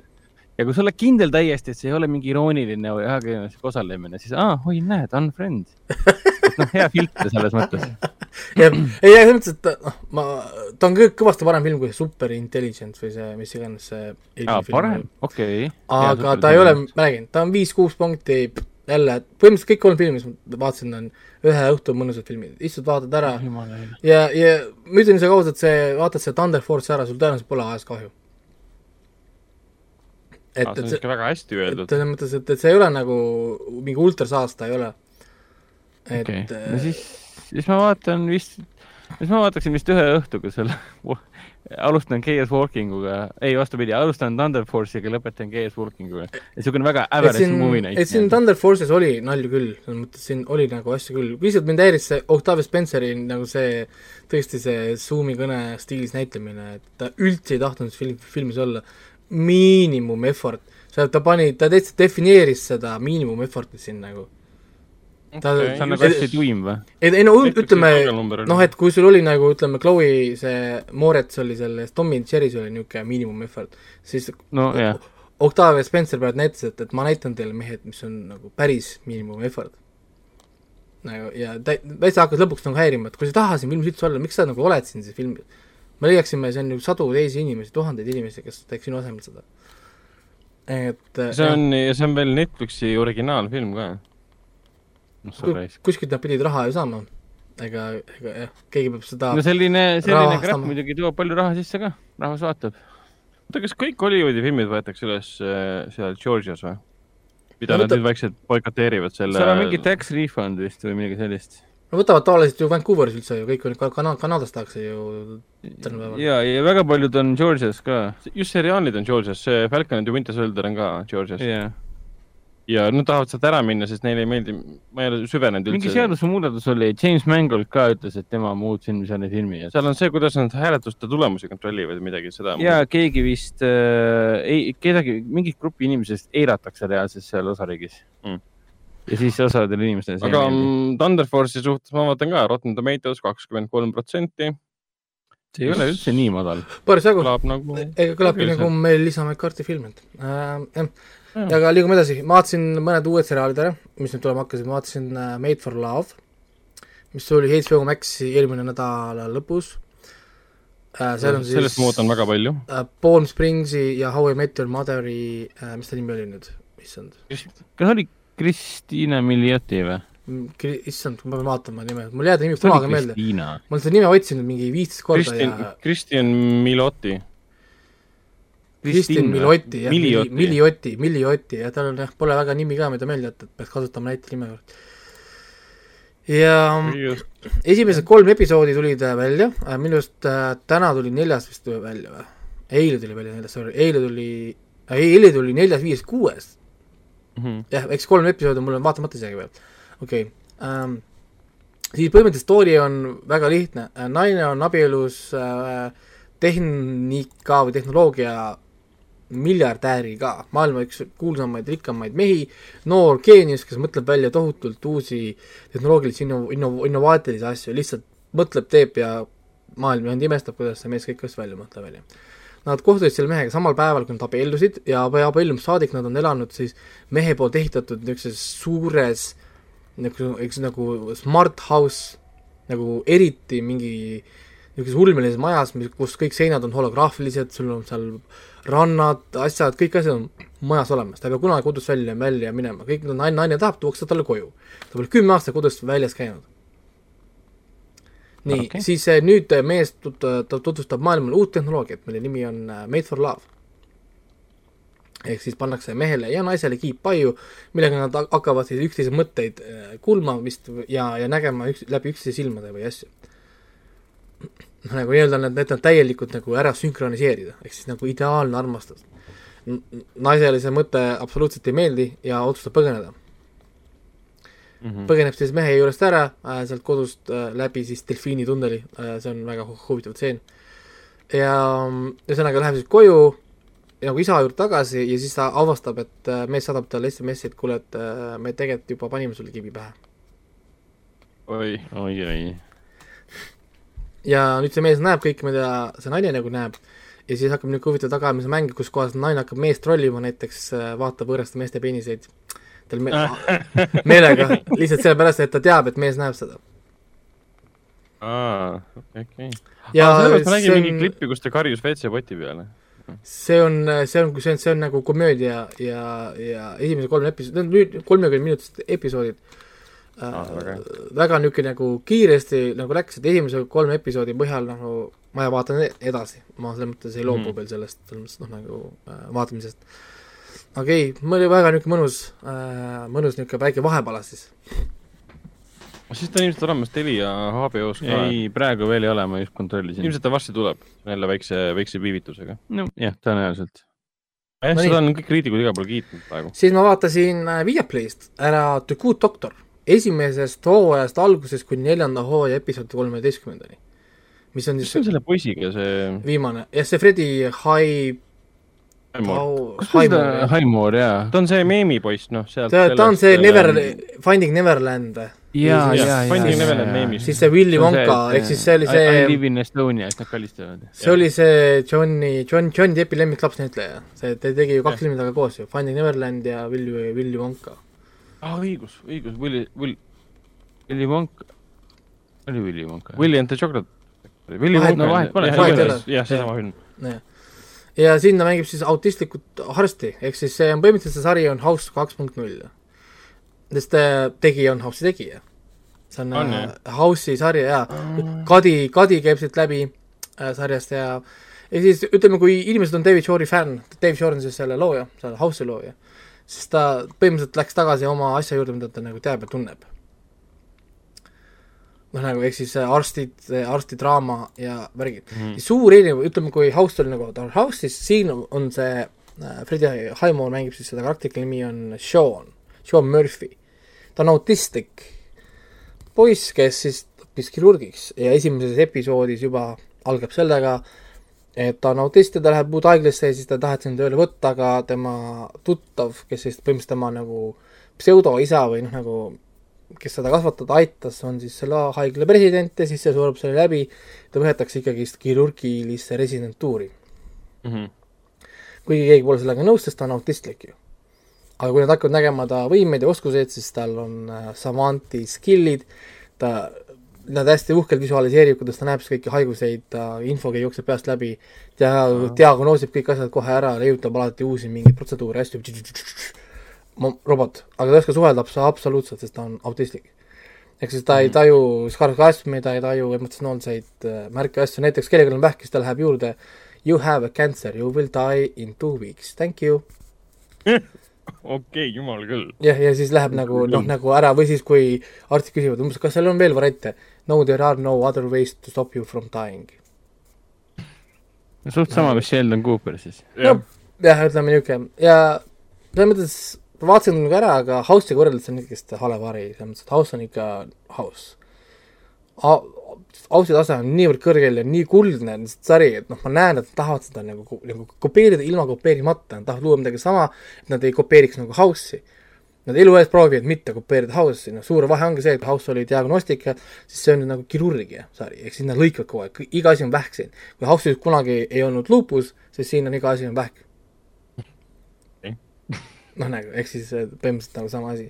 ja tegelikult, mis mind hakkas häirima siin sarjas, on see, et äh, Sean ei ole põhimõtteliselt nagu peategelane Mm. kui House oli House'ist, me nägime kõiki asju nagu läbi House'i, House'i ümber toimuvana, siis siin on Sean nagu lihtsalt üks osa haiglast. enamus episoodis sa alati tegeled kõikide teiste karakterite teiste arstidega. ja mind väga kiiresti hakkas mul pinda käima nagu see, et kui iga kord, kui Sean tegi midagi, mingit imelist, konkreetselt tegi mingit ime, tõmbas selle mingi vastuse kuskilt persest välja endal, siis dia-, diagnoosis veel mingi kaks inimest asja, leiutas mingi uue protseduuri, et seda ravida. keegi ei räägi sellest. Aga kõik võtavad seda nagu normaalsusena. keegi nagu ei ignor-, kõik ignoreerivad seda ja siis mingi teine arst, mingi suvaline arst on ju, ma ei tea, oh, lõikame skalpelliga. kõik peaks ongi kasutame vahendit, mida kõik peavad niikuinii kasutama. noh, nagu ja, ja veits hakkas mind nagu häirima nagu sarjas jah, nagu see, et et kõik teised arstid on nagu ka ultrageeniused. noh, saad aru, ehk siis see Sean on mitte midagi. ja minu loogika lõpuks oligi see, et kui kõik arstid on selline osavad, miks see Sean seal siis on? noh, saad aru, ehk siis ta on ju, siis ta on ju teiste kogu aeg miinuses, muidu olekski nagu see tasakaal. ta on, ta on niivõrd nagu tark, ta diagnoosib, ta teeb kõik asju kiiresti, ta on nagu imeline arst, nagu nad alguses ütlesid, et ta õmbleb nagu robot ja ta lõikab nagu robot, on ju. noh, nagu teeb neid operatsioone. siis ma saan aru, miks ta toitaks umbes ah, haiglas. noh, et nagu tasakaalustavad, nad teavad, et ah, halb suhtlemine, seda on suht lihtne ju lahendada, paned talle teise kirurgi või õe juurde, kes suhtleb tema eest. näiteks. noh, ja ühesõnaga lahe, lahendada. aga kui teised arstid on ka nii osavad, kõik on mingid geeniused, kõik pitsivad igalt poolt vastuseid välja, siis miks seda Murphy't siin vaja on siin sarjas? aga sa ütlesid ju alguses selle ära, et tema pseudoisa äh, surus selle läbi. nojah, aga, aga ütleme, ongi, esimene, teine hooaeg on väga mediocre. ma ütlen ausalt mm. -hmm. ma lihtsalt vaatasin, lihtsalt ma tahtsin, mul tekkis uudis, uudishimu, kuhu see nagu läheb äh,. väga keskpärane on, mitte midagi ütleb, kolmas hooaeg oli, oli juba väga hea. sellepärast, et kolmandal hooajal see sari läheb Sean'i keskseks, lõpuks. ta hakkab, ta ta leiab omale girlfriend'i äh,, hakkab temaga draama, kuidas kooselu on Sean'iga, kuidas autismiga üldse asju teha, kui meeldi, et teda puudutakse, kuidas panna ta, puutub näiteks naise rinda Wow. ja Mm, äh, kuidas äh, selline. see, see on, see on päris humoorikas, kuidas äh, nagu, tema esimene reaktsioon on nagu arst, et see oleks nagu rinnaläbivaatlus äh, vähi jaoks. Ah, väga hot ju. siis, et kui, et kui teile ei meeldi kellegagi koos magada, isegi kõrval mitte olla, siis kuidas seda panna nagu sa- samasse voodisse naisega nagu magama. ühesõnaga kõik need nagu protseduurid, see käimine, siis armastuse leidmine, kuidas ta küsib teiste käest ar armastuse kohta ja siis keegi hakkab rääkima, et ta on spetsialist armastuse juures, siis ütleb, sa oled kolm korda lahutanud. Ehk siis, et, et, et kuidas sa ütlesid, et just by statistics uh, you have zero lucky or zero skills in love so I don't want anything to hear from you. ehk siis nagu rops. et mingid jah, niisugused nagu noh, nagu asju ja sealt läks nagu paremaks, kõvasti paremaks. aga muidugi äh, moodne aeg, ehk siis siin on vahepeal seda rõvedat woke paska on siin sees, konkreetselt nagu, ta ei ole ju nii uus seriaal. praegu kestab, ta praegult kestab. ta ikka veel käib ju. jaa, sellepärast ma vaatasingi ta neljanda hooaja kolmeteistkümnenda ho- osani, sest järgmine osa tuleb nüüd äh, see nädal või järgmine nädal tuleb äh, ma olin nagu veendunud, et see on nagu läbi, läbi saanud juba mitu aastat kaks tagasi. tuhat seitseteist algas. ja praegu kestab. kestab ikka veel. jaa, näiteks ne Aa. neljas hooaeg algab koroonapandeemiaga. koroonapandeemia jõuab Californiasse ongi nii, jah? jaa, arstid, Vau. arst hakkab tegelema koroonapandeemiaga. See on küll väga teema, väga hauk. ja selles mõttes, et noh, ta on nii kihvt nagu, muidu on ta kihvt, aga need woke osad ajavad okse lihtsalt mind. kellele see kellele seda Woke, paska vaja on? nagu väljendub? noh, näiteks see, et äh, e- esimene kord, kui see woke, woke osa tuli, see oli nagu isegi nagu naljakas. tulevad ema, ema, ema isa oma tütrega, tütar tulevad haiglasse ja siis see Sean hakkab läbi vaatama, see on peenis. jah mm. -hmm. siis ta on ju hi ja hakkab talle ütlema kogu aeg hi, keeldub talle ütlema she, sellepärast et tal on XY kromosoomid. ehk siis ta on hi ja keegi ei suuda autistile teha selgeks, et ta peaks olema nagu she Mhm. see on selge jah, sest ta on loogiline, sest tema on arst, ta lähtub ainult faktidest, tema maailm, elu põhineb faktidel. ja siis ta, siis ta ju ütleb ka vanematele, et et, et sellepärast, et sa paned poisile kleidi selga ja teed teda tüdrukuks, tal on XY kromosoomid just by, by scientific facts uh,. He is a boy. No ei, ei, ta umbes, ta ise tunneb ennast, on gender identity, siis ta ütleb, et uh, yeah, but uh, siis, siis ta ütleb, et that's a psy- psychological disorder called gender, gender dysphoria. I am a surgeon, et uh, this is not my speciality, noh nagu siis oli nagu loogiline, sest niimoodi tõenäoliselt reageerikski arst või üldse nagu noh, mingi teadlane või asi, sest millest ta räägib, fantaasiast, et ta tunneb ennast või? et mulle isegi meeldis see nali, mis ta teeb, et aga kui ta tunneb ennast koerana või ta tunneb ennast Supermanina, mis, kas ta, mis te siis teete, panete talle koerariided selga ja hakkab äh, kausist sööma või?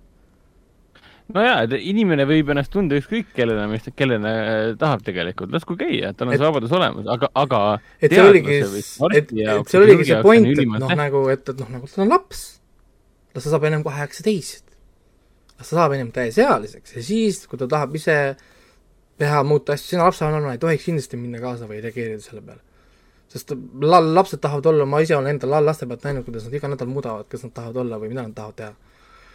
et noh, nonsense, noh nagu ja, ja siis hiljem noh, nagu nüüd mingi neljandal hooajal oli see mingi eriti crazy episood. mingi, see on IMDB-s ja igal pool, seda pommitati seda sarja ka, hinnad kõik tõmmati talle alla. äkki oli mingi neljanda hooaja kümnes episood vist või midagi, midagi sellist. Kõik riivid, asjad pommitasid seda, seda, mingi hashtag cancel dage see sitt ära äh,. oli Aa. mingisugune mees, tuleb äh, äh, sinna haiglasse, ta on rase. Ehk siis, jaa, ehk siis see on nagu naine, kes on teinud ennast okay. nagu, nagu meheks, eks ta on nagu see transgender man või, ma ei tea, ma ei tea, mis pidi see käib.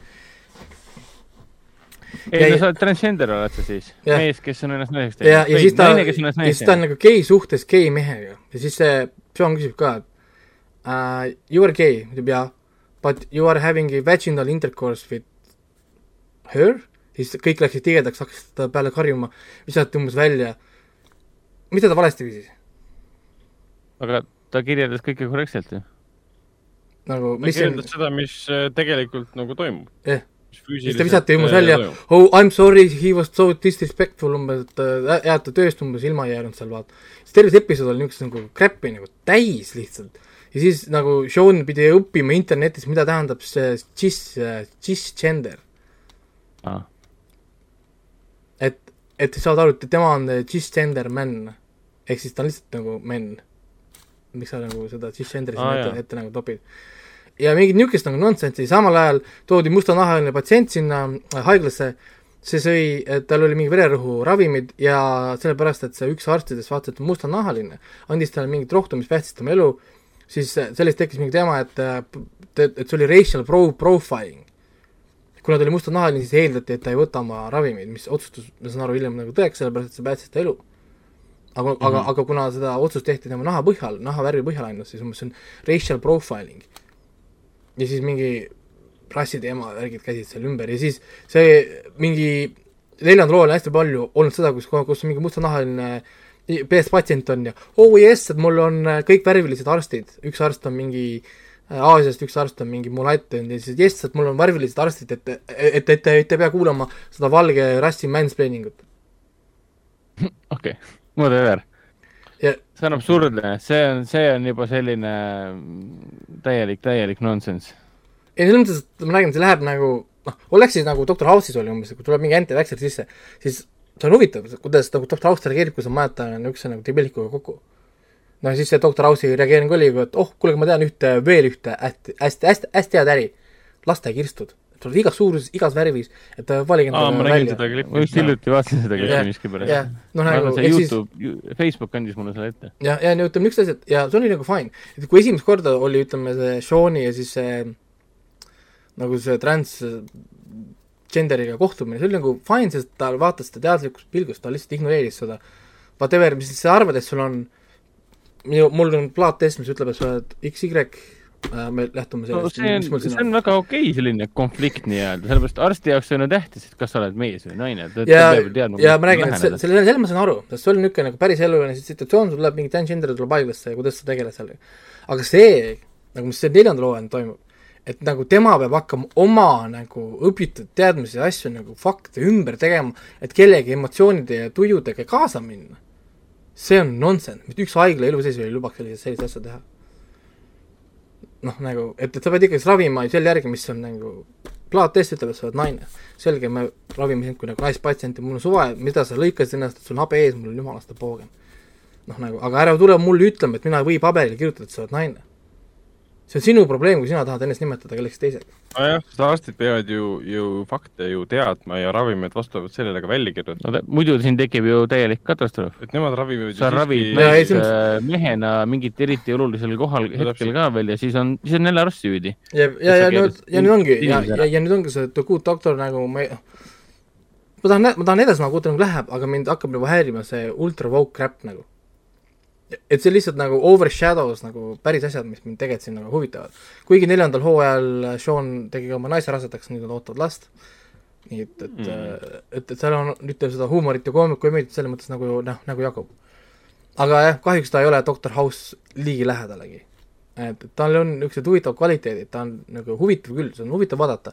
tal on hästi kihvtid niisugused äh, noh, niisugused asjad, mida leitakse, ütleme noh, nagu need haiguse mõttes, nad leiutavad kogu uusi asju, sul on igasugused uut tüüpi mingid haigused, niisugused moraalsed dilemmad, ütleme, tantsijatel jalgade lõikamised äh,, amputeerimised, noh, niisugused erinevad niisugused nagu sügavad teemasid siin on päris nagu tihti, siin on maavärin, looduskatastroofid, see koroona episoodid olid väga kihvtid, kuidas koroonad mm, -hmm. haigused tulevad, neil pole ravi ähm,, kõik niisugused noh, nagu siin on hästi palju huvitavaid teemasid. Aga ma räägin, juba seesama idee, ma räägin, kui mõttetu see vaata see Vogue on või kui palju see tekitab inimestes nagu ebameeldivust seda nonsense'i sinna toppida, siis minu küsimus on, et miks sarjategijad seda ikka teevad? see on katse nagu ikka ajaga kaasas käia ja selle tegijatele kindlasti see on tootjate poolt käidakse peale ka, et eh, adresseerige teemasid, millest praegu näiteks meedia palju räägib. No jaa, aga nad tegid seda juba, nad korra juba tegid seda teemat ja nad said sellega ära, sest inimestel sellega vastu ei olnud mm. midagi. ja nad tõid nagu uuesti tagasi. mul oli selline tunne, et nad tõid selle teema tagasi, sest neile ei meeldinud umbes, et esimene hooaeg inimesed vaatasid üle või umbes ignoreeriti või nad ei saanud seda twisti titris hashtag või, või midagi umbes, et nad olid nii, ma ei tea, noh nagu transgender friendly või midagi, noh mm. -hmm. ja siis nad panid kõik ühte episoodi, kõik asjad korraga, rassid ja värgid ja, ja asjad ja see, see oli päris halb äh,. mulle niisugune asi ei meeldi, see on, see on see poliitiline agenda, surutakse mingi kräpi vaata selle peale, noh nagu noh, mille jaoks seda vaja on, võta Star track, sul on fantaasiasari, tee, tee mis tahad, seal on kolme peaga ja kaheksa dissiga asju ja suva no,. Nagu. aga eks see olukord alati sõltubki sellest, et kuidas seda mm, käsitletakse seda tehakse nagu mõistusega ja, ja, ja loogiliselt ja, ja narratiivile omaselt, siis on see nagu loogiline, kui sa seda sinna sisse paned. et see peakski jääma nagu sellepärast, et mingit no, sõnumit edastada, noh siis jah. no et see oleks pidanud jääma niimoodi, kui sul on autistlik nagu inimene, kellel puudub igasugune arusaamine emotsioonidest või noh, nagu niisugustest nagu emotsionaalsetest märkidest, asjadest, tema elu lähtub ainult faktidest ja sellest, mida ta saab nagu õppida ja kontrollida ja nagu teha, tead-, ütleme teaduslik elu siis ta ei võtaks seda, ei aktsepteeriks seda. ja see peakski mm. olema episood, kus teised proovivad talle väita seda, tema ütleb ei ole, sellepärast et tal on raamatud, tal on see on ees ja on kõik, tema ei saa nagu noh, saad aru, noh nagu minna sellega kaasa, sellega osa lõpebki, ta ei võtagi seda omaks mm., ta ei, ta ei teegi, ta ravib inimesed terveks, saadab ta minema nagu ja, ja jah, nagu, aga mitte niimoodi, et ta lõpuks hakkabki rääkima mingit sissenderitest ja noh, asjadest on mingi nagu noh, nonsense nagu. ei tea eh,, jah ma ei oska nagu öelda, kas ma soovitaksin seda The Good Doctorit või nagu mitte, et kui House'i fänn oled, siis ta kindlasti meeldiks selles mõttes, ma olen täiesti kindel, et inimestele meeldib, kui sa oled nagu House'i fänn. aga seda House'i teravust siin küll ei ole, see House oli ikka nii hästi õnne, õnne, õnnestunud äh, seriaal, et ma ei tea, kas me üldse enam kunagi saame midagi sellist. ei tea. aga mõne seriaaliga ongi niimoodi, et ongi ainu, ainukordne aga, aga jah, ma liigun, liigun, liigun edasi, ma nii, nii kaua raskin selle peale, et aeg jõhker uh,. vaatasin ära ABC uue sarja, kaks uut sarja uh,, Home Economics ja Rebel uh,, mõlemad on siis mm -hmm. Hulus, Hulus ka olemas. Home Economics on Stoffer Grace uh,, mängib seal, ma kohe ütlen, kes need teised on. ma võtan kiiresti lahti uh,. Stoffer Grace uh,, Caitlin McKee ja Jimmy Tatro uh,. mängivad siis uh, õdesid ja vendasid Caitlin McCaitlin, see Caitlin McKee mängis näiteks Grey Anatoomias, ma mänginud, ma vaatan siin Modern Love, Mythic Questis mängis seda Sue'd ka, kui keegi vaatas seda. ma ei ole siiamaani seda Apple TV äh, plussi seriaali peale pannud. see Jimmy Tuttor on see, kes mängis selles American Vandali teises hooajas, kui ta oli see, kes neid peeniseid joonistas ja teda valesti süüdistati. ah, jaa jah, põhimõtteliselt kui ütleme, selle järgi peaks nagu ära tundma. põhimõtteliselt story on selline, see on ainult üks, ainult üks episood on väljas, ma olen vaadanud ainult pilooti, episoodis on kakskümmend äh, minutit peale, äh, lühikene nagu sitcom, kus siis Toffer Grace on kõige vanem laps oma peres, äh, ta on kõige vanem vend, ta on edukas kirjanik. siis tü-, tütar, õde on keskmine laps, kellel läheb kõige halvemini lastest, noh, nagu tal on hetkel nagu töötu bla,, blablabla, tal ei lähe nagu hästi, elab oma naisega, mustanahalise girlfriend'iga koos, kellel on kaks last mm. -hmm. ja kõige noorem on siis äh, nagu pereohmoon, kes äh, on läbi äri ja asjade saanud endale miljoneid. ostis ära Matt Damoni maja okei, milline on Matt Damoni maja? noh, see, mis, see, see, kus ta elab, sa pead, sa pead vaatama, siis sa saad suur ja võimas häärber jah, ja põhimõtteliselt ongi niimoodi, et äh, sellel kirjanikul ei lähe ka väga hästi, ta viimane raamat müüs viis koopiat äh,, tal on rahaliselt äh, probleemid tekkinud ja otsustab kirjutada raamatu oma perest, oma endast, õest ja oma siis vennast. ja, ja siis ta otsustab raha laenata oma venna käest, kes on ju miljonär. ja sama mm. -hmm. mõte tuleb ka siis õel, et ta tahaks ka laenata raha vene käest, kellel on ju palju raha, tal olnud, ilma, ta on töötu ja ühesõnaga siis tema see girlfriend on äh, ilma rahata ühesõnaga lähevad siis kõik selle venna, vennale külla, sest vend kolis just sinna nende linna Seattle'isse vist oli või oli San Jose vist oli. ühesõnaga ma ei mäleta, mis ta linn oli, kus ta kolis. ja siis niisugune lähevad sinna ja siis hakkab sündmus toimuma, lähevad tülli nagu õed-vennad ikka, selles mõttes nad käituvad nagu õed ja vennad, hakkab kohe mingi võistlus, võistlemine pihta iga asja peale äh,, minnakse tülli mingi mõttetud asjade pärast. ja, ja lõpuks siis vend nagu otsustab neile raha anda. Ja siis osa saab nagu Mhm. läbi, ehk siis põhimõtteliselt nagu episood, episood läbi aga esimese kahekümne minuti jooksul nad viskasid sisse kõik jutud nagu white äh,, white privilege äh, mm. -hmm. white supremacy, rassi mitu korda äh,, patriarki oli käis läbi äh,, äh, diversity mitu korda mainiti, Mhm. sest äh, õde on ju lesbi, kes on mustanahalisega abiellus, vanem vend on abiellus latiino naisega, kuigi latiino on tegelikult ju valge rassi etnikgrupp, aga no olgu ähm,. niisugune, niisugune nagu stuff oli, siis mul oli ka nagu see, et noh, jälle, kelle jaoks, mille jaoks, miks ma pean kuulama seda nagu stuff'i, kui see ju omane ei lähe nagu teemasse. aga kas see viis kuidagi karakterid edasi või lugu edasi mitte midagi, ta, ta on lihtsalt pandud selle jaoks, et me panime selle siia sisse. ma räägin, et kui sa selle nüüd pooki nagu üle elad, see on kaks minutit ainult, pigistad hambad korraks risti, fine, lased seal mööda suva, las olla, siis on ta täitsa, siin on mingi asi nagu olemas. sest te-, Tohvri Kessi karakter, ma räägin, et kõik tegelikult on nagu fine, mulle täitsa meeldib seda vaadata nagu edasi, ma tahan näha, kuhu see nagu läheb. ma lihtsalt väga loodan, et see ei jää selle juurde kinni, et nad ei hakka seda patrama kogu, kogu aeg nagu iga noh, asja peale ja ette ja nagu taha. et nad mm. -hmm. ja kasutavad neid ainult nagu nalja tegemise jaoks põhimõtteliselt või noh, nagu ütleme, see on niisugune nagu koht, kus nalja visata. siis äh, see Rebel, Rebeli peategelane on meil siis äh, Peggy Pandi, aa, Katie Segel see, Kitty Sigel, Jaa. on väga tore näitleja. Sons of Anarchis oli ta ju Sons of põhiteema oli. ka, jah. jah, ja Futuraamas ta oli ju, raamas oli ka, jah. ja kuskil veel. Eight Simple Rules, kaheksa reeg-, lihtsalt Jah. reeglipinna tütrega kohtu, koh-, koh-, ja, ja, ja, ja kohtumiseks., ja oli küll jah. ja, ja siis tema uus niisugune krimi, kohtukrimidraama, kus kohas tema on siis äh, ma ei saanudki aru ausalt öeldes, mis ta oli, kas ta oli advokaat või ei olnud kas tal on paberid või ei ole. ühesõnaga, ta on mingi ultraaktivist. Ja esimeses e e episoodis ta paneb kokku kui kohtu case'i siis äh, firma vastu, kes on teinud mingi südame äh,, mis oli heart valves, mis on siis e eestikeelne tõlge. Südameklapid äkki või? südameklapid või, või asjad, ühesõnaga nad on tootnud mingisuguseid see, seadmeid, mida pannakse siis inimestele, kellel on südameprobleemid. ja siis tuleb välja, et need on viga, vigased olnud ja inimesed surevad järjest igal pool, aga nad ei võta vastutust mm. -hmm. nagu. ja siis ta pan-, tahab panna kokku nagu class action suit'i siis selle firma nagu vastu. sellest siis põhimõtteliselt esimene osa nagu räägib. jah, esimene osa jääb pooleli, eks ma eeldan, et võib-olla siis terve see kohtu case võtab terve hooaeg võib-olla, ma ei tea ähm,. ja siis ta on niisugune hästi agressiivne, ta on hästi Erin Brokovitši stiilis või sarnase niisuguse käitumisega. ma vaatan, et see sari ongi loodud justkui Erin Brockovitši elu põhjal noh. Või vähemalt inspireeritud. võib, võib küll olla, sest hästi palju vibe'i oli siit tunda, hästi ta on üks sarnane, produtsentidest ka reaalselt nagu. ongi või, ongi ise või? ja, ja isegi. ise ka, tähendab. ma aa vaatan jaa, ma mõtlesin, kus ma Kitty Sigeli kas see on siis üks Ongi. nendest tema juhtumitest? ongi Erin äh, Brokovitš, okei okay,, siis ta, siis ta on väga hästi seda edasi andnud, sest see vibe tuli sealt küll välja küll kõik. tuli jah? Jaa. et tuli tunda nagu, et Katie Segal on äh, natuke, natuke vanem äh, Julia Roberts või kes see mängis seda? Legal Lady, kes kasvatab mitut last, ma tsiteerisin antud Ja- hetkel ongi- äh, Lonely Islandi videot. ja, ja siis tal ongi, tal on kolme mehega kolm last, ehk siis iga mehega üks laps. ja muidugi, muidugi iga mees on äh, põhimõtteliselt eri, eri rassist. et tal oleks siis valge laps, latiino laps ja mustanahaline laps. ja kas sa kaks, kahtled ja tema eluvalikutes või? ja kaks tüdrukut ja üks poiss, tüdruk on siis advokaat, poiss on gümnakoloog ja mis see viimane tüdruk oli nüüd, issand, ma ei mäleta. et aga lihtsalt esimese episoodi probleem on see, et oli tohutult rushed, ma saan aru, et te tahtsite pilootepisoodis ära näidata kõik karakterid, kõik asjad visati nagu meile nagu ette. tohutult palju karaktereid, igasuguseid nagu tegelasi hästi nagu palju.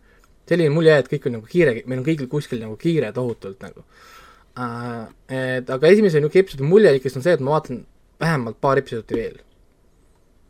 vähemalt paar episoodi veel, ma tahan näha, noh, mis tempo või, või, või mis suuna see sari nagu võtab, noh, mida ma, mida ma nagu ootama pean või mis siis nagu saama hakkab. et, et lihtsalt, aga piloodi nagu kusjuures minu arust oli väga nõrk piloot tuli, sest äh, just seesama idee, et nad nagu liiga palju surusid nagu asju sinna sisse. Nad oleks pidanud võib-olla jääma selle juurde, et mainima, et tal on kolm meest ja tal on nagu lapsed, et nad ei peaks seda iga last meile siia tooma, iga mees siia tooma, noh nagu neid kõiki asju oli natukene nagu liiga palju. nojah, võib-olla nad üritasid need asjad kohe nagu välja tuua, sest võib-olla ülejäänud hooaja jooksul nad ei mängi enam erilist rolli või tahtsid kohe kõik mehed ära näidata, tahtsid mainida, kui kaua ta kellegagi koos oli, kõik asjad kohe nagu noh, visati mm -hmm. nagu sisse, vaata äh,. aga jah, niisugune hästi nagu tempokas on küll, niisugune hästi nagu elav tempokas sari, tohutult nagu infot, infot, infot, palju juttu äh,. Katie Seegel lihtsalt ainult chat ib terve aeg, ainult räägib midagi, kogu aeg teab, sõnu tuleb igalt poolt välja, tohutult nagu niisugune ta on hästi äge naine, ta on hästi hästi ilus naine ka, väga hästi, väga ka. võimekas on küll selline. võimekas on küll, tal on see presence on olemas, kui ta ikkagist tuleb ekraani peale, siis jääb mulje, et see on nagu powerful, powerful naine. ta võiks väga, väga vabalt mängida mingisuguseid CEO-sid ja asju, noh nagu ütleme, noh. tal on selline presence täitsa olemas, ta võib ju, räägin, astub ruumi sisse, pumm, kõik kohe, oh, kes see, kes see tuli, vaata. jah, see of Anarchy'st oli ju mingi badass Jaa. Nad on üks nendest näitlejatest, kes, kes muidu on väga andekas mingites asjades, mis on justkui talle loodud, aga ta võiks olla vabalt nendes Hollywoodi äh, suurtes mingites action filmides olla see kuripaha, kes Mm. kogu filmi aja kuskil ekraanide taga on ja ütleb, et ja ei, ta go get here või get him ja siis lõpus ta võitleb selle põhitegelasega. on, ei tal on selles mõttes, et ta pre-, prese-, presence'it on ja ta on tegelikult, oma rollid on valitud päris hästi, selle kohta ma ei saa midagi öelda. Aga ma räägin kõik, ma nägin nii karakterit kõiki nagu nii vähe, et nii raske on nagu mingit suuri hinnanguid teha praegu. nelikümmend viis minutit läks muidugi päris kiiresti, nii et äh, oota, aga millal see nüüd algas? kas Täna. kõik osad tulid kohe välja või? täna algas üheksandal. ahah, ja kas kogu aeg tuli välja või? ei, see tuleb iga nädal üks, üks, üks kus episood ta. on, jälle mingi CV või? ABC pealt vaatad ja ABC. okei, ehk siis nad tulevad päev hiljem Hulusse täpselt nagu tulevad kõik ABC asjad nagu, a la nagu töö see, töö debris on. Debris, jah. see on tegelikult päris mõnus tunne, kui mingid asjad äh, lähevad nagu vanakooliks ja tulevad kord nädalas. ma ei tea, miskipärast on see tegelikult parem. ei no lihtsalt on nagu see, et vaata, kui ta pole nagu hea, siis on No võib-olla hea täpselt. natukene nagu oodata ja vaadata. aga kui ta on nagu või, või, siis ei ole seda võimalust, et ah, ma vaatan juba kogu hooaja, siis lõpp, ma vaatan kaks osa veel, ei, sa ei saa, seda pole lihtsalt. aga sellega ongi see, et sa pead pidama arvet, noh nagu mul on Exceli tabelid, et mida ma kus vaatan, mis no ja siis läheb meelest ära. sa muidu lihtsalt un- un- unustad ära seda sari edasi vaatama. seriaali looja on Grey Anatomia produtsent. Shamelessi produtsent, kus ka Katie Sega-, Sagal mängis. Nonii, aga olgu, ma lõpetan oma kiiresti ära, nii äh,, vahepeal said läbi paar an- animet said läbi, sai läbi Hidden Dungeon Only I Can Enter, esimene hooaeg sai läbi ri- äh,, Kaifuku Jujutsu no Yarinoshi sai läbi, esimene hooaeg või siis in- inglise keeles äh, Ridu of Healer ja Bottom Tier Character Tomosaki sai ka läbi, esimene hooaeg. mitte ühtegi nendest ma ei kavatse vaadata teist hooaega. nii Wow. hull siis. Lihtsalt äh, ma ei leia, et see oleks minu aega väärt, ma pigem otsin midagi, midagi nagu muud äh,. Hidden, Hidden Dungeon Only I Can Enter algas väga hästi, ma olin alguses väga, väga nagu sillas ütleme ideest, ta oli hästi nagu kihvt, siis lõpuks ta oli nii average, mõttetu anime, kui ta sai olla. mõttetu battle'it, ma ei viitsinud enam vaadata seda diss, dissidega tüdrukuid seal teda taga ajamas, see oli pointless lihtsalt nagu noh, lause lihtsalt. kaota, kaota, kaotas nagu oma pointi või kaotas nagu identiteedi ära. ta algas nagu midagi uut ja huvitavat, hooaja lõpuks oli täiesti mõttetu edži lihtsalt Mm.. ja ma arvan küll, et, et äh, hoidke oma aega kokku ja leidke paremaid variante, vaadake seda High School DxD, kui tahate head edži, edžid vaadata. siis äh, see äh, Redu of Healer, mis ma rääkisin siis, kus on seda palju vägistamist, kättemaksu, vägivalda, seksi jaa, see sai nüüd nagu läbi äh,, hooaja lõpuks ta natuke andis nagu järgi oma vägivalla koha pealt, aga ta on päris crazy kaadrid on siin ikkagist. aga, aga anime mõttes on crazy'd, aga ma räägin, et vaadata ühe suvalise hooaja mingit HBO asja või mingi- mingit asja kuskilt tänapäeval seda moodsat niisugust asja ja siis vaatad, tegelikult seal ei ole üldse vägivalda võrreldes no pane suvaline troonide mängu episood peale, see algab sellega kohe, siis on mingi, aa, see on jah, normaalsus. jep, et selles mõttes, et äh, ta oli huvitav, ta oli nagu huvitav küll, aga mitte nii huvitav, et ma viitsiksin vaadata teist äh, hooaega.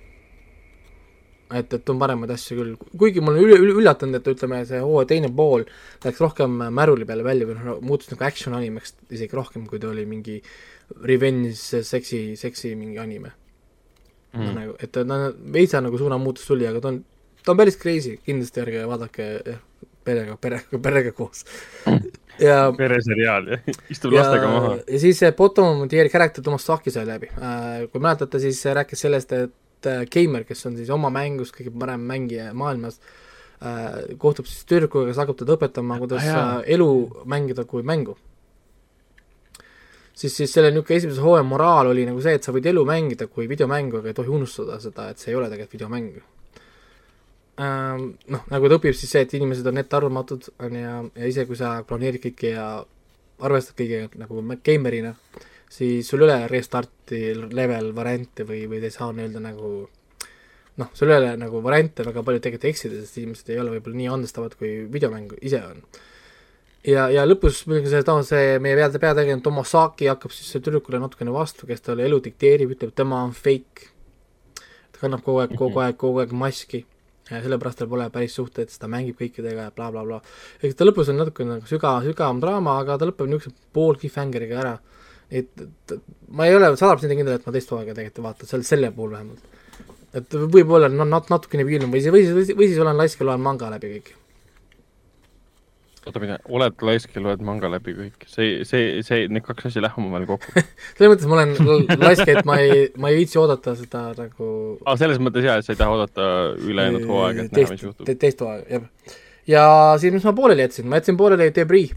peale esimese hooaja ku, kuuendat osa võtsin oma watch'ist, watch'istidest ära ja märkisin ma olen sinuga sama kaugel. märkisin oma Exceli tabelis kollasega ära, et äh, jääb, jääb pooleli.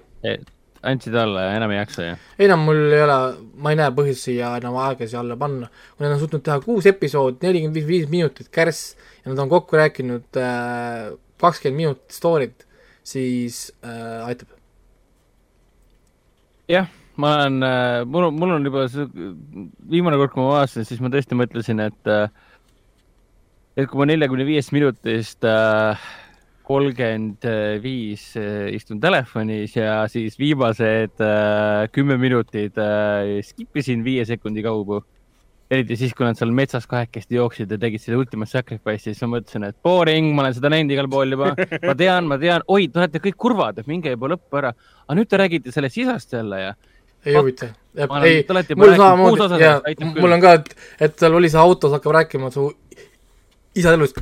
skip, skip, skip, skip, skip, skip, skip, skip. sihuke walkie-talkie tunne tekib kohe, kohati, et nad, aa, kas te nüüd jälle lähete kuskile seisma, istuma, sõitma, et rääkida asjadest, mida te olete juba viimased viis osa rääkinud siis, siis te vaatate praegu samamoodi Debris nagu mina vaatan Walking Deadi seitsmendat hooaega. ma vaatasin ühe õhtuga Dead seitsmendast hooajast ära kaheksa episoodi. kuidas see on võimalik? neljakümne viie minutise episoodid. enamus episoodis alustad sellega skip, skip, skip julmalt. lihtsalt seal midagi ei toimu. Nad räägivad mõttetutest asjadest ja sa siis võid julmalt skip ida liigani juurde, kui asi on põnev. sest sisu ei liigu üldse. nojah, null. ja sa näed seda visuaalselt ära, et siis Jaa, liigub kaks inimest küll, istuvad laua taga ja räägivad. ei, see Debris ka, kollane ja vastisid minema kõik kinni, aitab, finito mm.. ja mille ma jätsin pooleli peale teist episoodi Law and Order Organized Crime. ma vaatasin teise osa, teise osa ära, ta on põnev, ma saan kogu aeg silmad punni, midagi toimub. aga ma ei saa aru mitte midagi.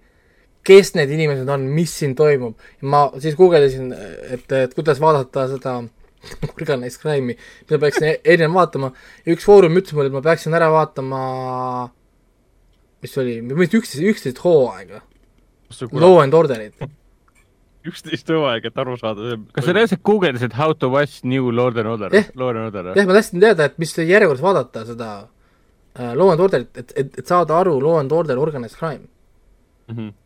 Ma sain teada, ma pean ära vaatama kõik special, see victim unit, aga mitte ainult, ma pean vaatama selle, mis see on, kas see teine Law and Order oli veel, et sellest, et need kõik karakterid, kes nad, mis nende seosed on, miks see karakter ära läks, miks ta tuli kümme aastat tagasi ühesõnaga mm. nagu jah.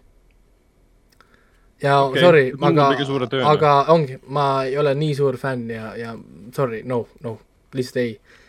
ja jätsin pooleli kõik, sest ma lihtsalt ei saa aru et, et noh, nad isegi, ma alguses mõtlesin, äkki nad umbes see piloot tuli ära, et nad hakkavad nagu tutvustama või noh, umbes ma ei tea, uutele vaatajatele natukene seda, ma ei tea, sisse viima, nope, sama tempoga mood edasi, kõik asjad käivad, mingi auto, vend vaatab autost aknast, auto aken läheb alla, see on tema, mingi tulistamine käib, kes see tema on, mis siin toimub, saad aru, istud, enamus ajast nagu küsid, mi-, miks see muusika nii dramaatiline on, mingi naine astub uksest sisse, nagu selles kuskil India mingi Bollywoodi filmis, mingi close-up, muusika, näitab nägusid, näitab, näitab selle poja nägu, poisale on sil- silmad suured, nojah, aga ma ei tea, samas päris põnev eksperiment vaadata sari, millest sa mitte muhvi ka aru ei saa.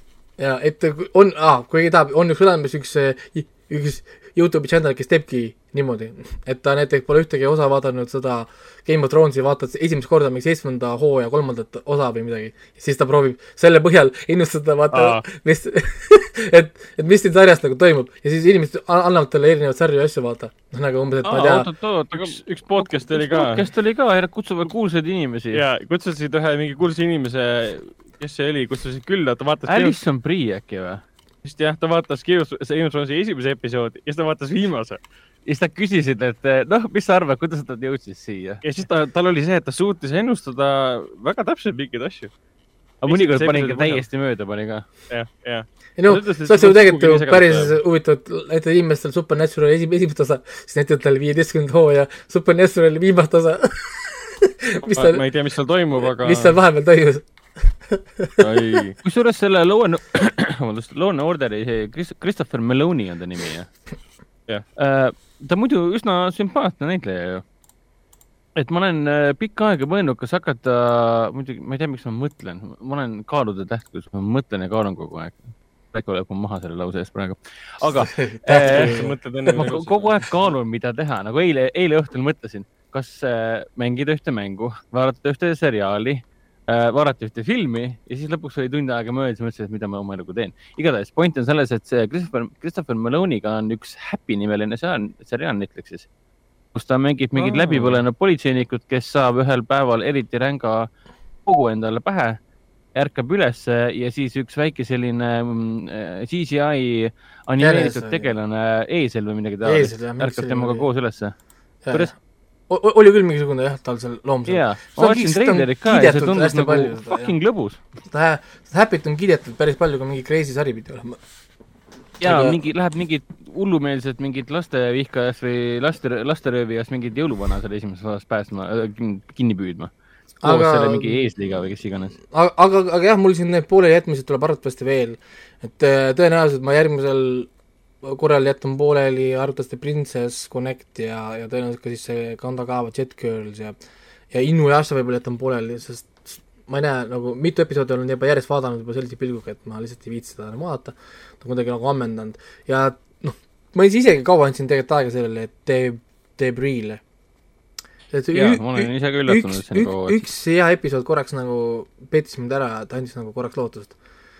aga nope, nope, lihtsalt kuigi see viies, oli vist viies või? jah, see viies osa, kui nad seal linnas ringi jooksid ja tahtsid neid äh, asju avada, see oli iseenesest nagu kihvt. mingis mõttes. nagu midagi hakkas, tahtsid midagi hakkas nagu liikuma, mäletad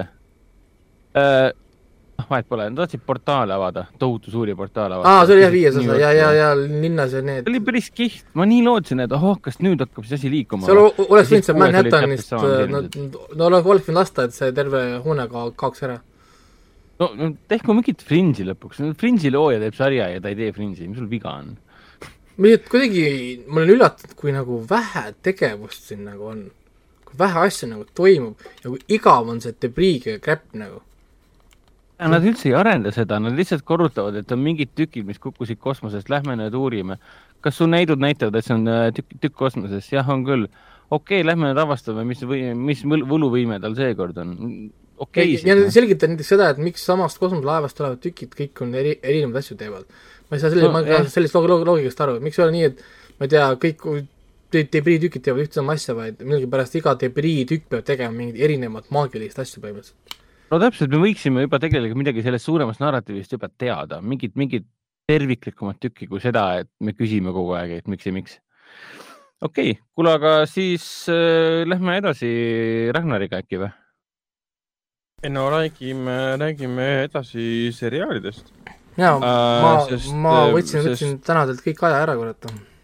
Ei ole hullu, me saame ki-, me saame kiiresti mainida seda, et ähm, Hendrik on ära vaadanud ju Solar Opposite'i teise hooaja. ja ma võtsin südamerindu, vaatasin järjest kõik ära ja ütleme niimoodi, et äh, Rick ja Morty algas vist äh, viies hooaeg. no viies või? viies jah? viies vist on jah yeah., igatahes kõige lihtsam öelda, uus hooaeg algab vist juunis, juulis, ei juunis oli. juuni jah. Ja ma olin päris hirmunud ja hakkasin siis Solar Opposite'i vaatama, kuna see on samade tegijate tehtud ja samad hääletegijad ja sama huumor ja, ja sama fantaasia ja sama must huumor ja vägivald ja kõik siuksed asjad äh,. hakkasin nagu muretsema, et nagu kas see teine hooaeg suudab siis olla sama hea kui Solar Opposite'i esimene hooaeg, mis oli tõesti üllatavalt hea äh,. jah, nagu nad lähevad, nad panid gaasi põhja jälle ja nad lähevad aina, aina segasemaks ja need, need tegelased, need jammiolekid ja need korvad ja kõik siuksed asjad ja, ja see Wallpeople'i teema, see jätkub teises hooajas.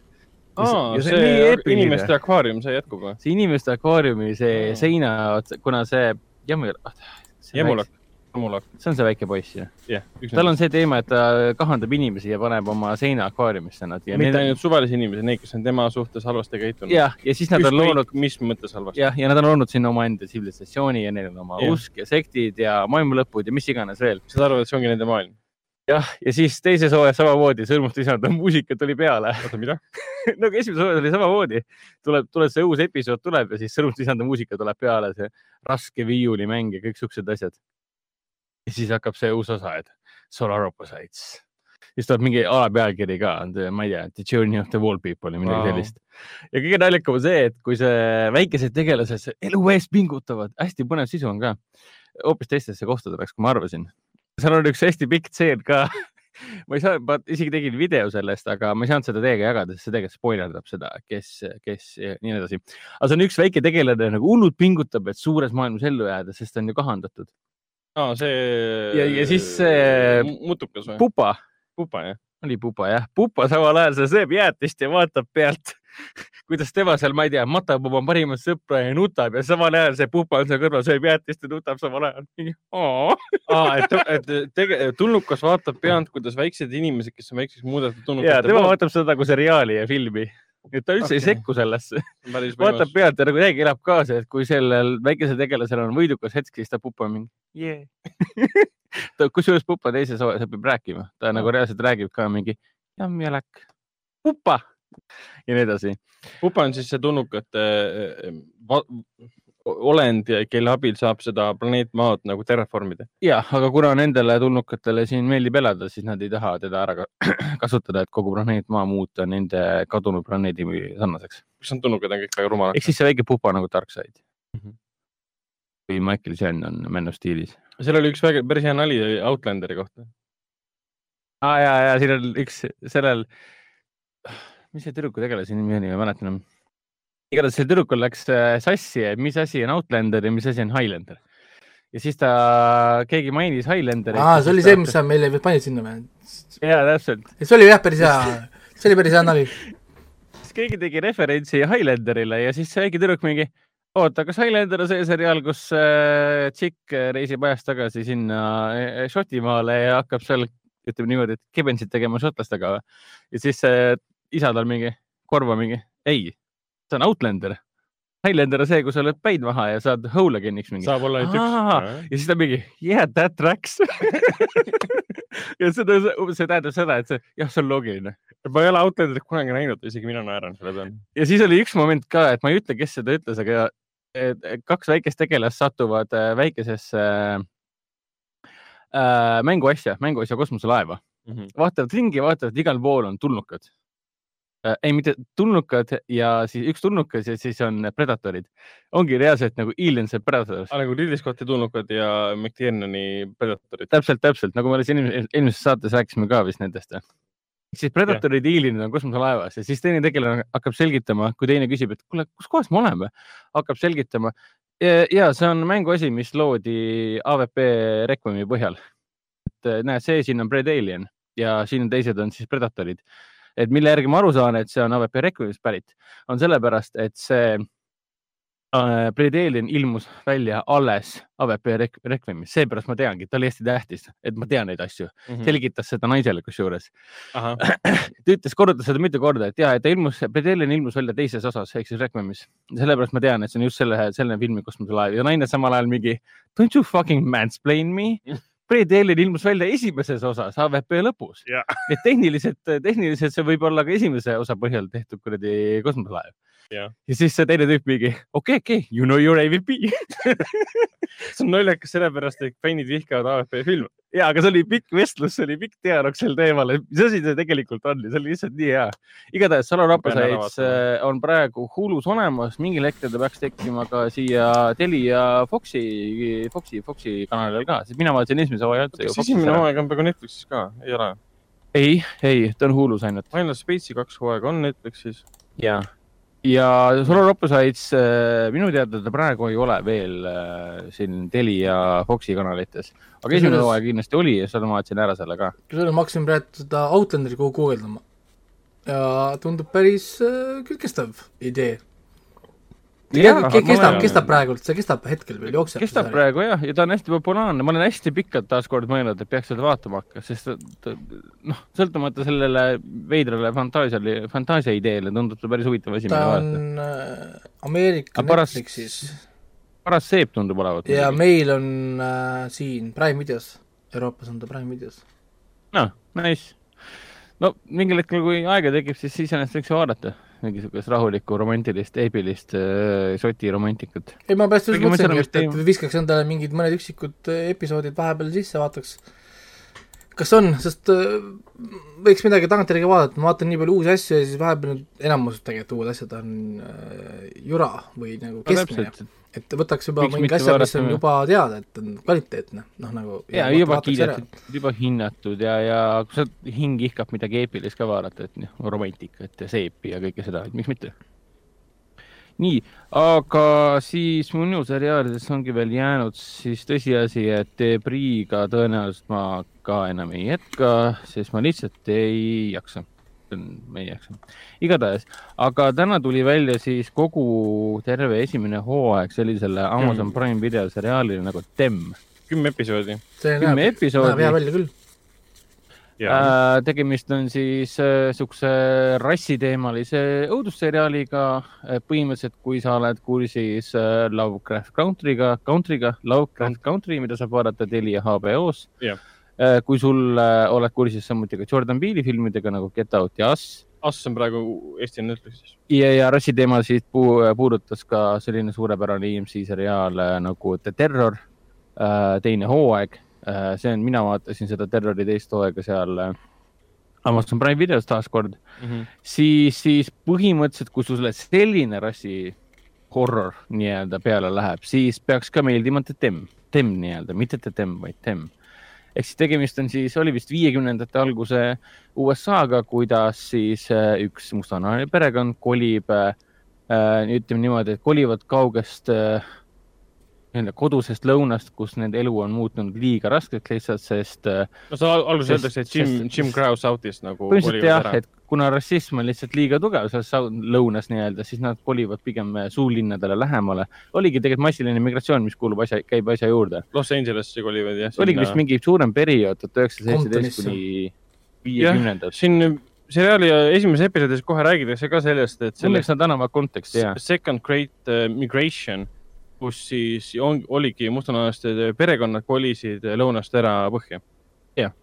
ja hästi sihuke nunnu ja tore perekond ja vanimad äh, peretütard, kusjuures mängib sama näitleja, kes mängis äh, Assis äh, seda peretütart. kuulge, oma aga ka. kas siin pole seost jälle või, kui filmi nimi on Us ja nüüd on sari, Jah. mis on Them, kusjuures jaa, see on väga sarnane, see on, kui, see on meelega tehtud. kui treiler välja tuli, siis kõigil, kõigi keeltel oli täpselt sama Jah. küsimus, et kas see on järg või? sest siin on Assi näitleja, jah, Ass ja Dem, pluss see on ilmselgelt Amazoni enda katse teha nende vastus Assile eh, ja nende vastus siis HBO Lovecraft Country'le, kuna No see on jah. õudus ja rassism. kuna Vanem Brothers tegi juba ära ja siis äh, Us oli ka tehtud juba, et noh, Amazon Prime Video tahtis ka kuidagi sinna laineharjale jõuda, teha seda rassihorrorit nii-öelda. Mhm. kuigi nad tegid ju selle terrori, kuigi seal olid jaapanlased, võib-olla siis asi oli selles, et mustanahalist teemat on vaja rohkem ka katsuda nii-öelda. asi pole üldse selles, sest noh, selle koha pealt, et, et noh, seriaali looja on, üks loojatest on Letitia või tähendab Lena White, keda mina tean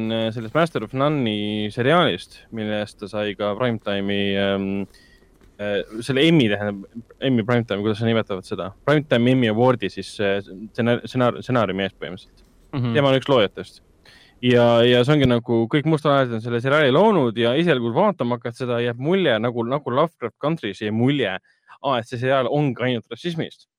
kus võetakse kõik äh, rassistlikud momendid ajaloost kokku ja võimendatakse väga õudseks ja jubedaks. aga esimese episoodiga ma võin öelda, et see on ainult nagu pealispind, seal on ilmselgelt äh, üleloomulik horror tulemas nojah, siis kogu plott seisnebki selles, et mustanahaline perekond kolib siis viiekümnendate alguses äh, täiesti valgetest äh, inimestest, ameeriklastest koosnevasse magala rajooni. Jah. ehk siis klassikaline viiekümnendate magalarajoon, kus kõik on hästi heledat värvi, kõik on siuksed ühekorrulised majad hästi puhas ja ja korras. loomulikult need valged vaatavad, et issand jumal, mustanahalised kolisid sinna ja, ja see muidugi on nii võimendatud siin, et juba esimese osa lõpuks on niimoodi, et äh, kuidas see perekond, kes on tegelikult hästi täiesti normaalne, normaalne perekond. jah, igalühel on omad probleemid, kuidas nad hakkavad siin elama, sest see kohati tõesti meenutas nagu seda Lovecraft Country't, kui ta avas selle võõraste maja sinna. no täpselt. Ja no ju- juba esimene episood ka, kui nad sõidavad mööda tänavat alla mm, siis oma maja poole. valged jäävad kõik tänaval seisma, vaatavad suu ammu, issand jumal, nad tulevad siia, siis äh, naabrinaised kogunevad, vaatavad tänaval, issand jumal, nad on siin. et see on kohati nagu nii, nii, nii üle võimendatud ja ma ei saanud aru alguses, miks, aga jällegi episoodi lõpuga ma taipan, et siin on midagi enamat taga. ja, ja ütleme nii, et ta on tõesti, tõesti väga assi vaimus valminud ja, ja Terror season kaks ka tegelikult teine hooaeg. et ta on kvaliteedi poolest nagu väga Mm. äge, toimib väga hästi lavastatud, väga hästi näideldud On. ja, ja kadreering on kohati väga painalik, väga kõhe. ja see lõpu, esimese osa, osa lõpu twist oli ka tegelikult väga hästi Mm. mm., mul on esimesed kaks vaadatud. siin äh, praegu vaatan, et meil siin äh, on vahepeal tulnud uudis välja, et DMX on ära surnud, räppar DMX. ja, Jah. ja ma just näg- nägin, üks sõber saatis teate, et DMX sai vist südamerabanduse ja. 50. natuke aega. jah, kui ma ei eksi, siis ta ei- eile või üleeile viidi äh, üledoosi tõttu haiglasse ja ilmselt suri. üledoos või? Jah. aa, ta sai siis südamerabanduse no siis süda eile või üleeile. süda ei pidanud vastu siis tõenäoliselt. nojah, viiekümne aastane ka, et noh. ja, ja ja samal oli jah ajal mingi, narko, samal ajal prints Philip äh, oli peaaegu level sada, noh. oh, jah, no Prince Philip oli üheksakümmend üheksa, et sorry, et ma niimoodi ütlen, aga noh, ta oli tubli üheksakümmend üheksa. ei no kui inimene üheksakümmend ja sureb ära, siis äh, siin ei ole midagi öelda enam, sa well done, you won at life, et noh, nagu no, No, no täpselt nagu ma tulen ja patsutan su selja peale, et tõesti Mulla- nagu tubli töö, et mulle, mulle hunnikut, aga, aga jah, me tegime mulle hunniku patsutan, et nagu me tegime- üheksakümmend üheksa aastat pidasid tegime, tegime siin Keemeri nalju, et, et et, et, et ta, ta sai level üheksakümmend üheksa, aga no ma räägin, et kaks, kaks kuud jäi puudu level sajast. ma lihtsalt juba ainult puhtalt tahtjõuga lihtsalt äh, lükkaksin oma sünnipäevani välja. et noh, come on, come on, sada. noh, ma, ma ei, ma ei saa ju ennem ju minna, noh nagu. Aga DMX-iga oligi see, et äh, tal oli üledoos ja ta pandi siis kunstlikku koomasse, sest tema aju ütles üles sa raisk. ja nad ei tuvastanud eriti ajul, ajus mingit tegevust enam. noh, kui noh, kui ilmselt- ajul neid delta wave ei ole, siis tuleb välja tõmmata juhe. jah, jah. ja, aga jah, Demi suhtes mina vaatan teda kindlasti edasi, ma olen ainult esimest episoodi näinud äh,. Alison Pill, kes tegi fantastilise rolli ähm, Scott Pilgrimi filmis, Edgar Wrighti filmis tegi fantastilise rolli, tegi Snowpierceris. äh, Snowpierceris esiteks muidugi, ta tegi ka väga hea rolli seriaalis Newsroom, Aaron Sorkin, Sorkini seriaal. ja Siin- siin ta ta mängib- vist ka minu lemmik äh, äh, Sean William Scotti filmis ka äh,, see Goon. aa, see oli päris, teine osa tehti ka sellele. ja siin ta mängib sellist äh, vastasnaabrit, kes nagu juhib seda rünnakut nende vastu. Ja see ongi nagu nii ilmselgelt nagu tehtud, vähemalt tundub, et on ilmselge, et na- naabrid, mustanahalised naabrid saabuvad. Nad otsustavad, lähevad järgmisel päeval tänava peale, hakkavad seal päevitama, demonstratiivselt vaatavad maja poole, panevad kõik erinevad äh, raadiod äh, tööle. et siis nad tahavad neid koheselt esimesel päeval, kui nad saabub, see perekond tahavad kohe neid välja süüa ja teevad isegi plaane omavahel, mida me kõike peame tegema peame, et neid välja süüa, ei tohi siin olla, see on meie kodu ja see kõik tundub nagu nii vastik, issand jumal, ongi siuksed tundub inimesed. olevat puhas rassiõudukas selles Jah. suhtes, aga siin on ka teine ja siis, siis sa hakkad sees. nägema nagu mingeid vihjeid, et kelle majas nad elavad, mis selle maja nagu taust on, mis seal keldris tegelikult miks on see? keldrit Vot see näidatakse on- umbes nii nagu on vot. see on alati huvitav küsimus, et mis seal keldris tegelikult on. jaa, üks tegelane ütles teistele, et sa oled, te olete ainukene maja siin piirkonnas, kellel on nii, nii suur kelder, ma mingi, ah, okei. No no, pime kohe- kelder, kõndimine, keegi on koridoris seal nurgas ja kägiseb vaikselt ja okei okay,, noh. mulle meenus seda, vaatas kohe see Zodiaci üks stseen, kus Jake Gyllenhaal on seal ühe tüübi külas, jaa, uurib, uurib, kes võiks olla see Zodiac killer ja siis tüüp ütleb, ja mul on ka kelder, et lähme vaatame sinna. siis see aa, me elame piirkonnas, kus inimestel pole üldse keldrit, aa ei, mul on, lähme, lähme. aa, see oli hästi hirmus Iiri muusika, ma ei tea, kas lõpuks läks või mitte, ma ei ma mäleta enam. võib-olla pole nii ammu uuesti seda vaadata, aga jaa, see on see, see on see meemi moment nii-öelda. aga see ära meemitatud. tule, tule, lähme, lähme, lähme minuga koos keldrisse. esimene date, lähme keldrisse mingi. aga Nope. kuna, kuna sa vaatasid teise episoodi ka ära, siis äh, päris hea. kas, kas Tenni teise episoodi põhjal võib öelda, et see es esmane mulje, et see oleks justkui ainult rassismist ei vasta siis tõele või see mingil määral vastab tõele? mis Raiko ütles, kümme episoodi oli vist või? kümme episoodi kokku kümme jah? kokku seda. ma arvan, et nad episoodid., nad enne, enne kui nad lähevad sellega nagu sada protsenti edasi, siis nad äh, panustavad ka tegelastele rohkem, sest teine osa tegeles väga meestegelase psühholoogiaga. Mhm. ja see oli minu meelest need viimased lõpuminutid teise osa lõpus olid väga ägedad laast-, näideldud, niisugune, seal tekkis selline moment, kuidas need abikaasad nii-öelda eh, selle, selle mustanahalise perekonna me- mees ja naine, ema ja isa, kuidas nemad omavahel nii-öelda mõtteliselt eh, on konfliktis ja vaenutsevad omavahel. minu meelest oli väga andekalt lavastatud, ilma, ilma sõnadeta põhimõtteliselt. et kusjuures tänu sellele, mida me teise osa alguses nägime ka. et siit hakkab jääma mulje, et Prime Video on leidnud väga niisuguse kunstlikult õige viisi, kuidas neid erinevaid raskeid teemasid tuua inimestele. Siis kui vaatad nende filme, need One, One Night in Miami, Uncle Frank, Sound of Music, mingid sarjad, jaa. asjad, kuidas nad suudavad need teemad võtta Sound of Metal. Sound of Metal tähendab jah äh,, issand, Sound of Music jah. Metal on ka muusika seal.. Vau, vau, on, on, või? kuule, kuule, nii kaugele me ei lähe. et, et see jah, nagu noh, jääb nagu mulje, et nad oskavad teha kõvasti paremini seda kui Netflix, kes satub alati sellega pauksisse ju Mm. kui nad proovivad nagu noh, mingi ra-, mingi rassi teemadel või asju teha või, või mingi, mingil hellal teemal siis sõna võtta, siis Netflix kipub No no, nagu jah. peaga vastu seina jooksma pidevalt. see on Siis- tulemus mingi cute, cute'is ja seal laadne pask, et noh. nojah, või siis või mis iganes nad seal tegid seal Charmed'id ja nüüd seesama see The Irregulars, kus doktor Watson on mustanahaline gei on ju. noh, nagu ja, ja Thun- Thunder Force, mis asi see on? no nagu ja, ja siis, siis kuidagi nüüd vaatad nagu, pead mõtlema siis Prime video kuidagi nagu, nagu, nagu vajab rohkem mõtet vist või, rohkem aega ja mõtet kuigi ja Netflixil on ka nagu rassi teemal äh, või noh, olulistel teemadel äh, filmisarja palju, mina pole seda näinud, aga see, mis alles hiljuti välja tuli, see Our House, see õudukas, ah,, ja, ja on küll jah. see oli ka põhimõtteliselt ju migratsiooniteemaline kõik ja kiidavad seda siiamaani ka rassiteemaline. ja ei no, Ikka ei no ja eks neil ikka on, ikka tuleb, lihtsalt neil ongi küsimus lihtsalt kogu see vahe, noh Netflix lihtsalt ainult tõenäosusega peab saama ju midagi ka nagu hästi. aga no mulje on see, et noh, kui ma tahan mingit kvaliteetset Iiri äh,, vabandust, kvaliteetset kõhedat äh, temaatilist horrorit saada, siis miskipärast ma automaatselt mõtlen jah, Amazon Prime video peale. et kuidagi kuidagi, kusjuures mulle jääbki mulje, et võib-olla Prime video ja ka Apple TV mõlemad on loobunud seal Netflixiga võitlemises content'i nagu suuruse ja mahu koha pealt, vaid nad pigem lähevad seda, et aga me teeme nii head originaal stuff'i. Sa maksad kui seda viis nagu- üheksakümmend üheksa kuus ja on kõik, et, et selge see, et nad noh, nad peavad saama aru, et nad ei saa Netflixiga võistelda umbes, et oo, me teeme rohkem. kas sa ikka teed? kas sul on seitse No miljardit, muidugi. miljardit võtta, et teha aastas content'i, ei ole ju. noh, nagu, et siis noh, kui sa, kui sa kvantiteediga ei võida, sa toodad lihtsalt kvaliteeti ja sa hakkad kohe konkureerima tegelikult.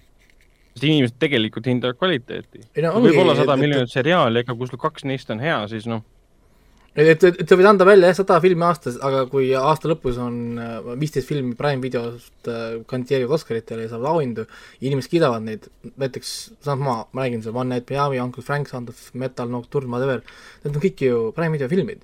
noh mm., ja see ei olnud umbes, et nad tegid mingi viiskümmend filmi, mulle meeldis kolm filmi, nad tegid kuus filmi, mulle meeldis kuus filmi. noh, nagu, et, et, et see, see vahe hakkab siin, hakkab siit kuidagi nagu välja, välja nagu tulema, nii et, et äh, päris huvitav vaadata, kuhu see läheb.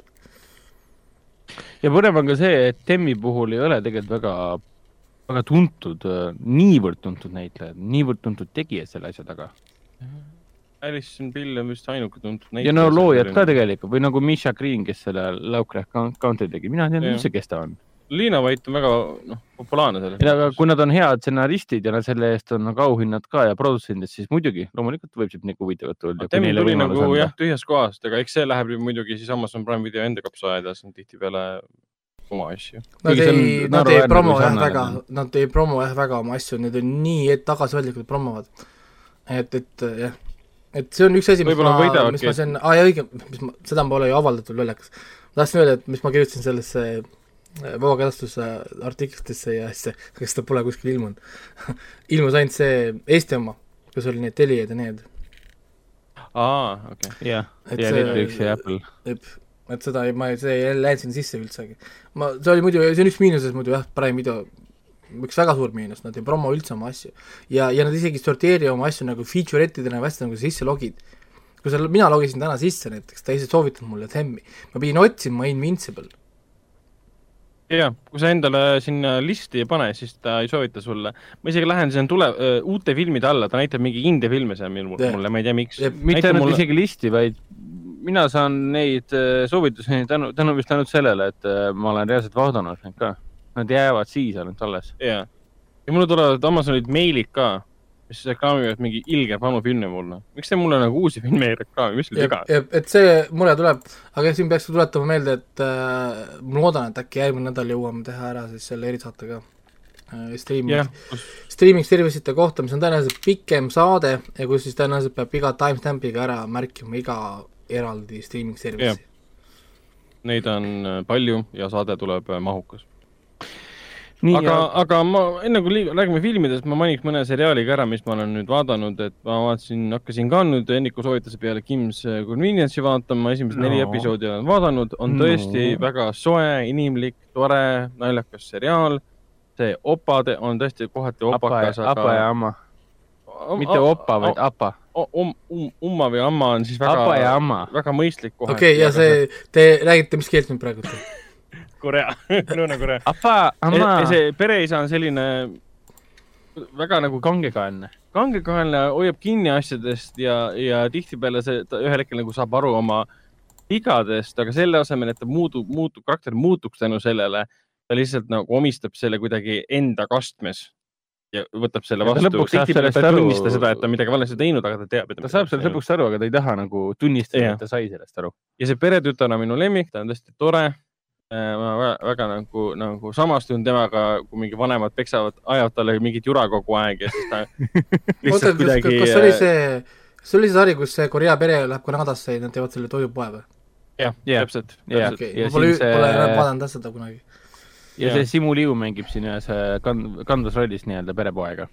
see, kes mängib seda Shang-Chi'd. ja, ja tema on ka tore ja see perepoja suhe sõbraga esimese neljas episoodis on ka kaks episoodi jutti räägiti seal mingisugust Lõuna-Korea äh, kombest äh, siis teha mingit nalja sõbrale mm, -hmm. sa paned kuidagi käed kokku ja paned tema kannikate vahele selle ja siis see muutus kuidagi Sexual harassment. sexual harassment'iks, aga see oli ainult sellepärast, et sõber oli vihane, et, et ta võttis nagu parema töökoha sõber, sõber kasutas seda töökoha sexual harassment politseid ära, et äh, oma parimale sõbrale käru keerata. ja, ja see muutus nagu asi väga tõsiseks. ja mis mulle kõige rohkem meeldib, on see, et selle, selle perekonna siis perepo-, perepoeg töötab siis selles auto varuosade poes. rendi, autorendi. Jaa, autorendifirma. jah, boss on mingi naine, kes on nii pagana sisse võetud sellest perepoest, kui üldse saab olla. Iga hetk, kui ta selle perepoega räägib, on nii paksult innuendosid täis, aga see poiss ei saa kunagi ühest asjast aru. ja ja see naine on nagu nii, et umbes tahaks talle välja öelda, tule minuga välja, sa meeldid mulle, lähme. ta ei ütle kunagi ühtegi asja välja, alati kuidagi vihjab ja hakkab rääkima kogemata mingit lambistest asjadest. et mingi. ja ta ei lõpeta ära ka. mingi, et hakkab rääkima ühel hetkel, et ja ei, mul on kodus kolm kassi. Et mul on üks kass, aga see kaks kassi hängivad lihtsalt seal, millest sa räägid? et ma ei ole mingi kast onju, et mul on tegelikult ainult üks kass, aga lihtsalt äh, naabrite kassid käivad minu mul on sõbrad, kassidega kes seal hängivad, kes tegelikult on minu omad. ta läheb nagu pabinasse, ta, ta, ta on näha, et ta on nagu üksik ja tahab nagu armastust, aga ta ei julge ennast väljendada, ei oska, kuna ta on boss ja kõik siuksed teemad. aga see seriaal nagu käsitleb neid asju kõiki hästi nunnult ja toredalt ja lõbusalt, sa tunned ennast kuidagi parema inimesena, kui sa mõnda episoodi vaatad, et noh, saad aru, et, et. See on see, et- okei, see you. oota, ja ma saan aru, et see jookseb ju Netflixis onju. jah, Netflixis on kõik neli hooaega, et viies praegu jookseb, ma ei tea, kuskil Kanadas jookseb, mingi Kanada telekanalis vist. -hmm. isegi ei tea, mis streaming seda praegu näitab või, ma arvan, et ta on pigem cable, Vii-, cable. viies ei näitagi seda, ma just guugeldasin seda, et ongi, ta on mingi äh, mingi kohalik vist on. küll jah, mingi Kanada mingi jah, oma, et seda ei saagi vist vaadata, kui Aa. sa ei ole Kanadas. no tõenäoliselt karta on, et äkki tuleb sama teema, mis selle Brooklyniga, et alles aasta pärast tuleb viies. kuna see Aga- on viimane ka, et ühel hetkel ikka jõuab. seepärast ei tasubki kiirustada, et noh, õnneks on neli hooaega vaadata. Ja siis vaatasin, ma temast pikalt ei räägi, sest äh, ta mul pooleli, ma järgmine kord, kui ma olen ta läbi vaadanud, räägin rohkem, on see Netflixi dokumentaalfilm Seaspiracy, see millest Eesti kuulus meedia on, palju. kuulus, millest kõik räägivad igal pool. kõik mu sõbrad ka. Facebookis panevad, et vaata seda dokumentaalfilmi, see on seda sama vaatama- tähtis kui see Gov. ma hakkasin teda vaatama nüüd sellepärast, et mulle jäi silma väga palju artikleid, kus kõik ütlevad, et äh, see seriaal nagu, film on nagu loodud väga heal eesmärgil, aga vahendid, kuidas ta seda lugu jutustab, on, on selline vastuoluline. ma ei ole neid kõiki artikleid nagu läbi töötanud veel, aga ma vaatan filmi ära, siis ma hakkan neid lugema. kus äh, need inimesed, kes osalesid filmis, andsid oma tsitaate, ütlevad, et kõik on kontekstis välja rebitud, tüüp kujutab minu juttu hoopis teise jutuna, kui me kokku leppisime ja väga paljudele ei meeldi ka see, üks artikkel oli ka sellest, et äh, mingi tüüp loeb internetist ja kahekümne minutiga saab teada, et maailmas on meredega ookeanidega midagi valesti, siis läheb maailma muutma, et nagu ta teaks kõigest kõike. et jätab endast mulje, et ta ongi nagu maailma targim inimene, kes teab selle nagu teema. ei, ma seda algust, algust va- vaata, vaatasin küll umbes, et oli, annetas viis, viis ja kakskümmend dollarit äh, need heategevused ja siis Jah. ta leidis, et see on liiga vähe, et ta peab Jah. tegema veel. aga ta ühte korda ei maini, et kas ta tegelikult teab, teab ka midagi. nojah, see ja seal mitu korda ta tunnistab, et ta ei teadnudki midagi, et ja seal oli umbes niimoodi, et mingi jaa, pärast seda, kui ma lugesin selle kohta internetis, ma otsustasin minna Jaapanisse mingi um,. okei okay., ei ma saan aru, see on, see on väga hea, et sa lähed ja jällegi, ta teeb asja heal eesmärgil, ta toob välja, et plastik on igal pool, ta toob välja, et jaapanlased lihtsalt räigelt tapavad delfiine. delfiin, delfiini liha ei sööda, mitte midagi ei tehta sellega. ja nad äh, äh, väidavad, noh, film väidab, et see on siis sellel põhjusel, et äh, need delfiinid on nende kahjurid, söövad neid kuradi. tuunikala või? tuunikalasid, mida nad tahavad räigelt ja see on väga kallid. see on justkui see põhjus, nüüd on see fakt, mida ma hakkan kohe kontrollima, kas see vastab tõele tegelikult, sest noh, film võib seda mulle väita. mina, ma ei pea seda puhta tõele võtma ju, selles mõttes, et ma annan uurin järgi, kas see päris ka tõele vastab. aga, aga need videokaadrid kõik sellest, kuidas neid delfiine räigelt tapetakse, see oli juba mitu aastat tagasi selles The Covis. see oli siis surmav laht või verine laht, mis. See oli juba si- toona jube ja see on praegu ka jube, aga selles mõttes jaa, väga poleemikas film ja mul on hea meel, et selline film tehti. aga lihtsalt äh, kohati jääb mulje, et ta nagu astub mingitest piiridest üle, et tekitada suuremat poleemikat. Kasutamata võib-olla kõiki fakte, aga ma pean, pean filmi lõpuni vaatama ja asju lugema selle kohta, enne kui ma saan seda nagu lõplikult väita. ja Falcon and the Winter Soldieri neljanda episoodi vaatasin ära, Hendrik vaatas ka. ka, pole pole mõtet rääkida, kui midagi ei toimu. selles mõttes, et kui ta on lihtsalt tavaline episood läheb edasi, siis räägib siis, kui toimub nii, midagi, seal toimus midagi?, seal toimus. see oli. action, jah, see Carly Morgenthau teema areneb edasi, saame tema kohta, seal toimus küll, see episood lõppes ikka paraja pauguga lõppes või? uh,. John Walker, Doing stuff aa, jaa ja, ja Põru,, põrutavalt lõppes. ütleme, nad arendavad seda Kapten Ameerika teemat edasi päris huvitavas suunas. ta läheb aina hullemaks ära. Need, need kõik fännid, kes hakkasid sellele John Walkeri karakteri, näitlejale siis mingi hate meili saata sellepärast, et ta mängib Kapten Ameerikat. elame sellises maailmas, ma ei ole üldse üllatunud enam. Äh, siis nende jaoks on loodud selle päris huvitav koht, et nüüd ta hakkab justkui neljandast episoodist väga huvitavat tuure võtma. ma tahan nüüd näha, mida see, mida need tuurid siis tähendavad ja kas see jõuab kuskile edasi või see on lihtsalt ühe- ühekordne pauk, mis ei vii mitte kuskile. kusjuures äh, mul on praegu tekkinud see, et ma üldse ei viitsi vaadata seda Falconit ja Winter Soldierit Eh. et mul oli täna nagu aega vaadata, aga ma lihtsalt ei viitsi, ma mitu korda läksin sellest üle ja ma noh, esimene asi, mis ma niikuinii täna tegin, ma vaatasin For All Mankind, see on iga, igal, igal reedel kõige õige. esimene asi, mis sa teed, kui silmad lahti, kohe suur pumm, ekraan tööle ja kohe For All Mankind peal. aga vaata seda Falcon, no ei viitsi, noh, ma pean nagu sundima ennast vaatama seda, ma ei tea, mis seal on, mis, mis, mis mind täitsa nagu eemale lükkab. Imelik on see, et äh, kui ma siin kritiseerisin WandaVisionit sellepärast, et justkui kolmkümmend minti või vähem episood, minutit episood ja justkui midagi ei toimunud, siis kui ta lõpuks läbi sai, siis nüüd ma vaatan seda Falconit, siis mul on niisugune tunne, et äh, fuck kui hea see WandaVision oli võrreldes Falcon and Winter Soldieriga. ma ei tea, puhtalt sellepärast, et seda, see, see maailma ülesehitus ja nende tegelaste siseilma, sisepiinade sisseminek on äh, hästi palju aega võetud Mm. just see aja võtmine äh,. ja ta oli nii kummaline ka, et sa kogu aeg nagu küsisid endalt, mis juhtus. ja nagu tagantjärgi mõtled, et kui hea see oli, et need esimesed paar osa olid sellised, nagu nad olid WandaVisionis siis Mm. mm.. Falconis on kohati umbes selline, et, et te lähete siin kuidagi nii kiiresti, arenete edasi ja siis te olete padid mingi kuradi tapja ja terroristi ja mõrtsukaga põhimõtteliselt. aa, see Suma, Seemo jah. Semo, tähendab Semo, jah, Semo. Semo. ta, ta, ma tahan talle alati öelda Summa selle Sumba pärast, aga see on Semo, jah. Simba. ei, Seemo, Simba. Disney, Disney tuli muidu fännidele vastu ka ja andis Youtube'is Aa, välja see- tunnise video, kuidas Zeemo seal äh, tantsib. Tantsib. klubis tantsib. ma eile vaatasin seda kümme minutit. see sai kohe mingi esimese mingi paari tunniga miljon vaatamist, palju ta sai seal. ja, Ei, see on hea, see ja on- miks see nagu teemaks muutus, oli sellepärast, et selle episoodi reisijal ütles ka, et ei, nad filmisid väga palju materjali ja siis fännid mingi, miks mingi üks ka kaader oli siis seriaali, et me tahame rohkem ma isegi ei pannud seda tähele, tähendab, ma vaatasin küll, ma mäletan, mul jäi see koht meelde, kus ta tantsis korraks, ma vaatasin, ma mäletan, et ma tabasin seda silmanurgas, mõtlesin, ja siis paar päeva hiljem mingi okei okay, siis. internet plahvatas. aga igatahes mingi värk on selle Falconiga, sest äh, ma ei tea, ta on kuidagi, ma ei tea, kuidagi lihtlabane tal, midagi ta on sellist., tal ei ole hinge praegu, ta on veel hingetu No- alles. No, Jah. see, see neljandas osas ka John Walker tuleb ja me lähme salajasele missioonile. sa näed, aga sa näed välja nagu Kapten Ameerika. jah, lähme nüüd salajasele missioonile, mida kuradit, mis toimub nagu, et noh, vot siin oli see, nad nimetavad neid hooaegu, kuna see on miniseriaal, siis kuuetunniseks filmiks. et kui WandaVisioni puhul see töötas, et sa vaatad nädalast nädalasse, siis selle antud juhul äh, Falcon ja Winter Soldier peakski olema kuuetunnine film, mida sa vaatad järjest. Iganädalased episoodid, nad ei tööta. jah, umbes nagu Õigluse liiga Jah. Snyder Cut siis see ei. tööta sellepärast, et üks episood pole piisav, et viia seda lugu ei edasi. no nad võivad seda nimetada kuuetunniseks filmiks, aga see ei tähenda, et seda on no, no tegelikult. täpselt. ma loodan, et ei ole seda, aga hetkel on natuke, natuke, natuke tundub küll, et nagu oleks Mm. no Dora Milaje ilmus jälle välja, mis on alati hästi, hästi äge teema nii-öelda. aga noh, jah. eks me räägime sellest Falconist rohkem siis, kui ta lõpuks läbi on.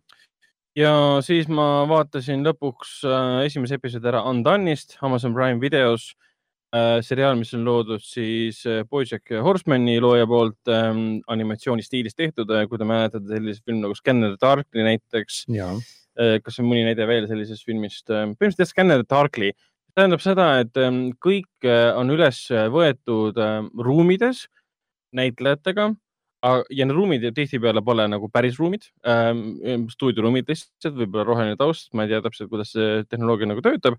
aga kõik inimesed ja kogu see maailm, kogu see jutustusviis on animatsioon. aga see animatsioon on selles mõttes realistlik animatsioon, kui inimesed kõnnivad, siis see kõndimine konkreetselt, see on liikumine näo, pea, peale animeeritud. see on peale. animeeritud päris liikumisele. sest inimene ise ei ole ani- animeeritud, aga tal on lihtsalt lisakiht animatsiooni ja peale. mistõttu, kui sa vaatad seda, kuidas need tegelased välja näevad ja, ja kõnelevad ja räägivad ja kõik silmavaade, öeldakse, et animeerida on väga keeruline valgust ja seda, kuidas inimese silmas peegeldub see valgus vastu ja kõik see nii-öelda hing. siin seda probleemi pole, sest see on kõik päriselt üles võetud ja lihtsalt animatsiooniga kaetud. aga kes siin mängib ja mis, millest sa räägid? Rosa, Rosa Salazar mängib siin ehk siis Battle Angel Alita ah, Alita. äh,. antud juhul ta ei ole suurte, liiga suurte silmadega animetüdruk, antud juhul ta on, ta on üks neiu, kes äh, no elus kuidagi väga mm, seisma jäänud, kuidagi pettunud ka, tema õde on abiellumas, nende isa on siis ameeriklane, ema on siis mehhiklane, kes on Mehhikost pärit, sealt tuuakse korra seal välja ka. ühe nalja käigus, kus äh, saab oma õega kokku, õde annab siis talle mõista või noh, näitab oma sõrmust, et ma olen kihlatud. Ja siis äh, Rosa, jah, umbes nii. Hendrik näitas mulle keskmist sõrme. Ja siis äh, Rosa ütleb selle peale, et ah, sa abiellud selle tüübiga, Reediga, see on see tüüp, kes äh, meil söögilauas äh, küsis äh, meie käest, et äh, kuidas teil Mehhikos söögi tegemine käib, aga kuigi ta teadis, et pole kunagi Mehhikos elanud. siuksed asjad toodi välja, kas oli pigem siis selle Rosa siis ähm,, mis see tegelase nimi oli? ma ei saa ka nüüd aru, kas see on nagu draamaseriaal või? ta on tegelikult miks ta äh, siis sellisel huvitaval kombel animeeritud on, kui ta lihtsalt, lihtsalt draamaseriaal on? Alma, Alma peategelase nimi. ta on äh, esimese episoodi põhjal, ma ei oskagi öelda, aga kuna episood algab väga. oota, aga esimene episood ongi draama või? Esi, kuna episood, esimene episood algab niimoodi, et lihtsalt sul jääb nagu samamoodi, et oota, kuhu see nüüd välja jõuab, saad aru, et okei okay,, siin tehakse klassikat, näidatakse esimese episoodi lõppu, keeritakse algusest, näidatakse, kus me jõuame sinna punkti. ja siis ma, siis ma sain aru ka lõpu järgi, et see, miks on selline animatsioonistiil on sellepärast, et see läheb väga haigeks ulmeks, unenäoliseks ulmeks kätte. et neil on vaja seda animatsiooni, et seda kõike kujutada, sest muidu see oleks väga kallis seriaal olnud. oota, ta siis ongi nagu mingi täislaks, täislaks äh, sci-fi või? Vot jällegi, ma tean seda treileri põhjal, esimese episoodi põhjal ma ei oskaks ennustada, et siin mingi sci-fi on. aga kuna ma tean treileri põhjal, et siin on sci-fi element ähm,, siis ja kuna iga episood kestab äh, kakskümmend kolm minutit, siis on seda väga mõnus vaadata ka, ei ole seda tunnet, et issand jumal, ta on nelikümmend viis minutit. no nice tegelikult. kokku on kaheksa episoodi, siis esimese episoodi eesmärk tegelikult oligi meie peategelast tutvustada, kes on täiesti frustreeritud, et ta ärkab iga päev täpselt samamoodi, peseb hambad samamoodi, sööb samamoodi, sõidab tööle samamoodi, teeb tööd samamoodi. ta on nagu tühi ja, ja tüdinenud ja ta ei oska oma eluga edasi liikuda, ta arvab, et kas see ongi kõik, peab oma elu siis äh, kõlab nagu sinu ja minu elu, kui me töötasime andmesisestajana. jah, ära tuleta meelde ja, ja ta siis ähm, äh, nimetab ühel hetkel oma elu nagu teatritükiks, kus kõik mängivad äh, vastavat rolli. aga nad ei saa aru, et äh, see on ju tegelikult teatritükk, sa võid oma rollist loobuda. seda nagu teha tahabki. Ja siis väiksed vihjed siin on nagu järgmiste episoodide kohta, kus ta küsib oma ema käest isa kohta mm, ja ema midagi väga isast ei räägi, kuna isa suri enne, kui äh, ütleme, ütleme mm, Alma oli siis liiga pisike selleks ja, ja saad aru, et mingi seos on siin isaga, kuna ta näeb ema juures pilte isast, mida ta ei olnud varem näinud äh, ja umbes niimoodi ja ta annab ka mõista ka, et me ei saanudki teada, millega isa tegelikult tegeles. Ja siis juhtub see, mis esimeses episoodis juhtub, see ongi tegelikult asja konks, point on selles, et ta on esimese episoodi lõpus äh,, seal treileris ka olemas autoõnnetuses. midagi juhtub temaga ja ta siseneb uude maailma, kus ta taas kohtub oma isaga, see on juba treileris olemas ka. Ja, aga ma praegu ei tea, mis alustel, mis, milles see ulme seal seisneb, miks ta kohtub isaga, aga ma tean, et ta muutub täiesti võrratuks suuremaks fantaasiaks. viimane esimene episood, väga ilus draama, väga head näitlejatööd ja näitlejatööd on nagu päriselt äh, kiidetavad, sest see läbi animatsiooni paistab väga selgelt välja. mul tuli meelde, et me peame vähemalt mainima ka, millest me räägime. tegemist on siis äh, Amazon Prime videoseriaaliga Undone. mitte Undin, vaid Undon. Undone. Undon, nagu. sa oled selle teinud ja siis teed- võtad selle tagasi, Undone siis um,. see oli, praegu unnecessary tean. explanation, explanation. Undone um,. ära vehi oma käega siin. et esimene, esimene episood mulle väga meeldis ja, ja ta ei ole kindlasti nagu Bojack Horseman, et siin ei ole mingeid rääkivaid küünilisi hobuseid, kes on pettunud oma elus ja tahavad oma endist ära tagasi saada. küüniline hobune, pole midagi hirmsamat. jah yeah,, aga draama osa oli tugev ja mulle väga meeldis. vaatan edasi ja okay. siis ma otsustasin, et ma hakkan Walking Deadi edasi vaatama seitsmenda hooaja algusest. Otsus sündis sellepärast, et Walking Deadi kümnes hooaja, kümnenda hooaja kahekümne teine episood tuli hiljuti välja, see on siis praeguse hooaja viimane episood. see eh, episood on väga palju kiitust saanud, kõik ütlevad, et kümnes hooaeg on olnud siukene eh, jama, igav. ja siis tuli see viimane episood, kõik, issand, kui hea see on. ja siis ma võtsin ette ja vaatasin selle episoodi ära mina pole Walking Deadi edasi vaadanud seitsmenda hooaja algusest, siis kui kuuenda hooaja lõpus tapeti ära Glen ja Abraham, siis kui Negan välja ilmus. ja mina nägin Neganit ainult sellisena, et ta tappis nende sõbrad ja on paha. siis ma vaatasin kü- kümnenda hooaja, siis neli hooaega vahepeal mööda läinud ne,. neli hooaega on vahepeal mööda läinud eh, ja siis ma vaatan viimast episoodi ah,, Negan on, elab Aleksandrias miskipärast veedab aega teistega, justkui oleks midagi väga-väga suurt vahepeal juhtunud. Ja siis, siis me näeme teda murtud, justkui murtud mehena, ta pole üldse sugugi enam nii karismaatiline, keegi ei karda teda. esimene asi on see, et mul Pornograafis nelja hooaja jooksul vahepeal hämmastav, et seitsmenda või noh, kuuenda hooaja lõpus ta tuli ja tappis kõik maha ja, või noh No no,, ühe jah. maha ja siis järsku ta, huvitav, et alles nüüd me saame tema taustaloo teada kindlasti noh, alles seitsmendast kümnendani võttis aega saada teada, mis värk Neganiga on. kindlasti midagi seal veel olnud äh,, aga räägitakse jah, see on väga koomiksi true äh, taustaloo lahti selgitamine ma nägin mingeid pilte ka, kus ta nägi välja nagu mingi hipster. äh,. jah, see on jah meenutus jälle, aga The Walking Deadi puhul oligi see, et miks mul seitsmes hooaeg pooleli jäi, siis mul oli igav. mul oli lihtsalt igav, sest äh, Negan ilmus välja, tappis sõbrad ära, siis läks põnevaks suur šokk ja siis tulid eelmised episoodid, kus midagi ei toimunud, kõik rääkisid oma tunnetest, vahel oli mõni zombi. Ja, aga miks me peaksime vaatama mingi kuusteist episoodi, millest, mille peale kokku on võib-olla kaks huvitavat episoodi ja need episoodid ei ole tegelikult isegi eraldiseisvad, vaid sa saad kahe episoodi jagu materjali kokku võtta kuueteistkümnes episoodis, mis on huvitavad.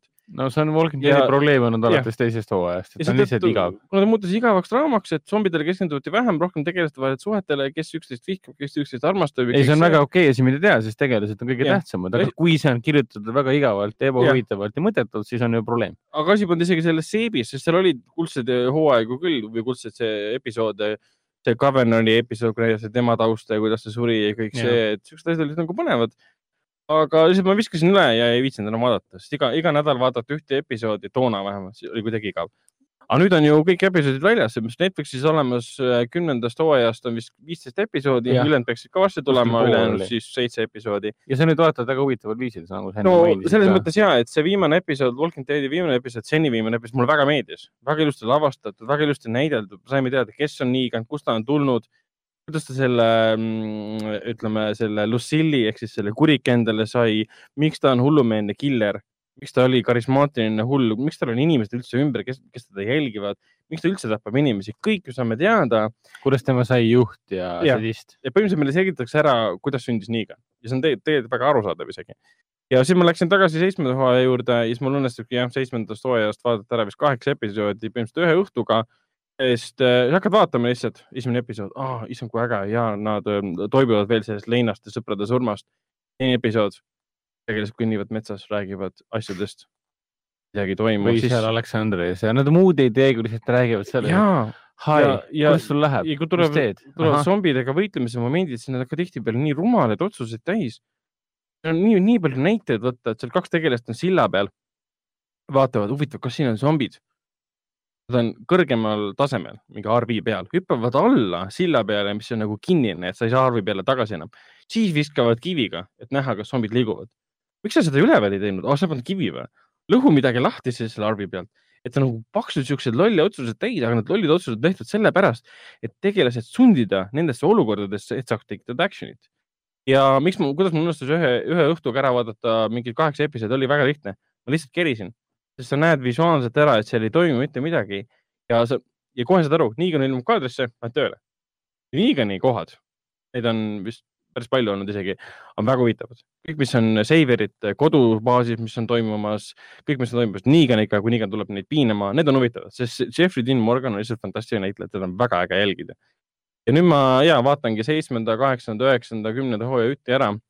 Ma tean, et, et seal on tulemas üheteistkümnes hooaeg järgmine aasta ja siis seal on tulemas veel lisa spin-off filmid ja äh, spin-off seriaalid ja ma ei, ma ei ole Fear of the Walking Deadi vaadanud, ma ei ole seda Walking Dead äh, World Beyond'i vaadanud.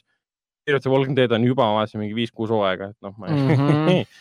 no seda pidi, ta vist pidi isegi alguses hea olema, aga lõ- lõpuks läks ta jälle käest ära. Jah. ja World Beyond pidi ka halb olema. Vähemalt see Forbesi ajakirjanik, filmiajakirjanik, seriaaliajakirjanik, see Erik Kane kirjutas sellest World Beyondist Jah. ja tema, temal oli see suur teema, mida ma olen varem maininud ka, et äh, see AMC äh, võttis talt igasugused preview vaatamisõigused ära, kuna ta esimese osa kohta nii halvasti ütles. täiesti naeruväärne World. Beyond, mille peale Erik äh, kirjutas pika artikli ka, et ta mõtles, et nagu vau, olen- ma olen kogu, et ta nagu kogu Walking Deadi ajaloo jooksul sarja ainult maha teinud ja nüüd on järsku probleem. jah, sest see on uus seriaal.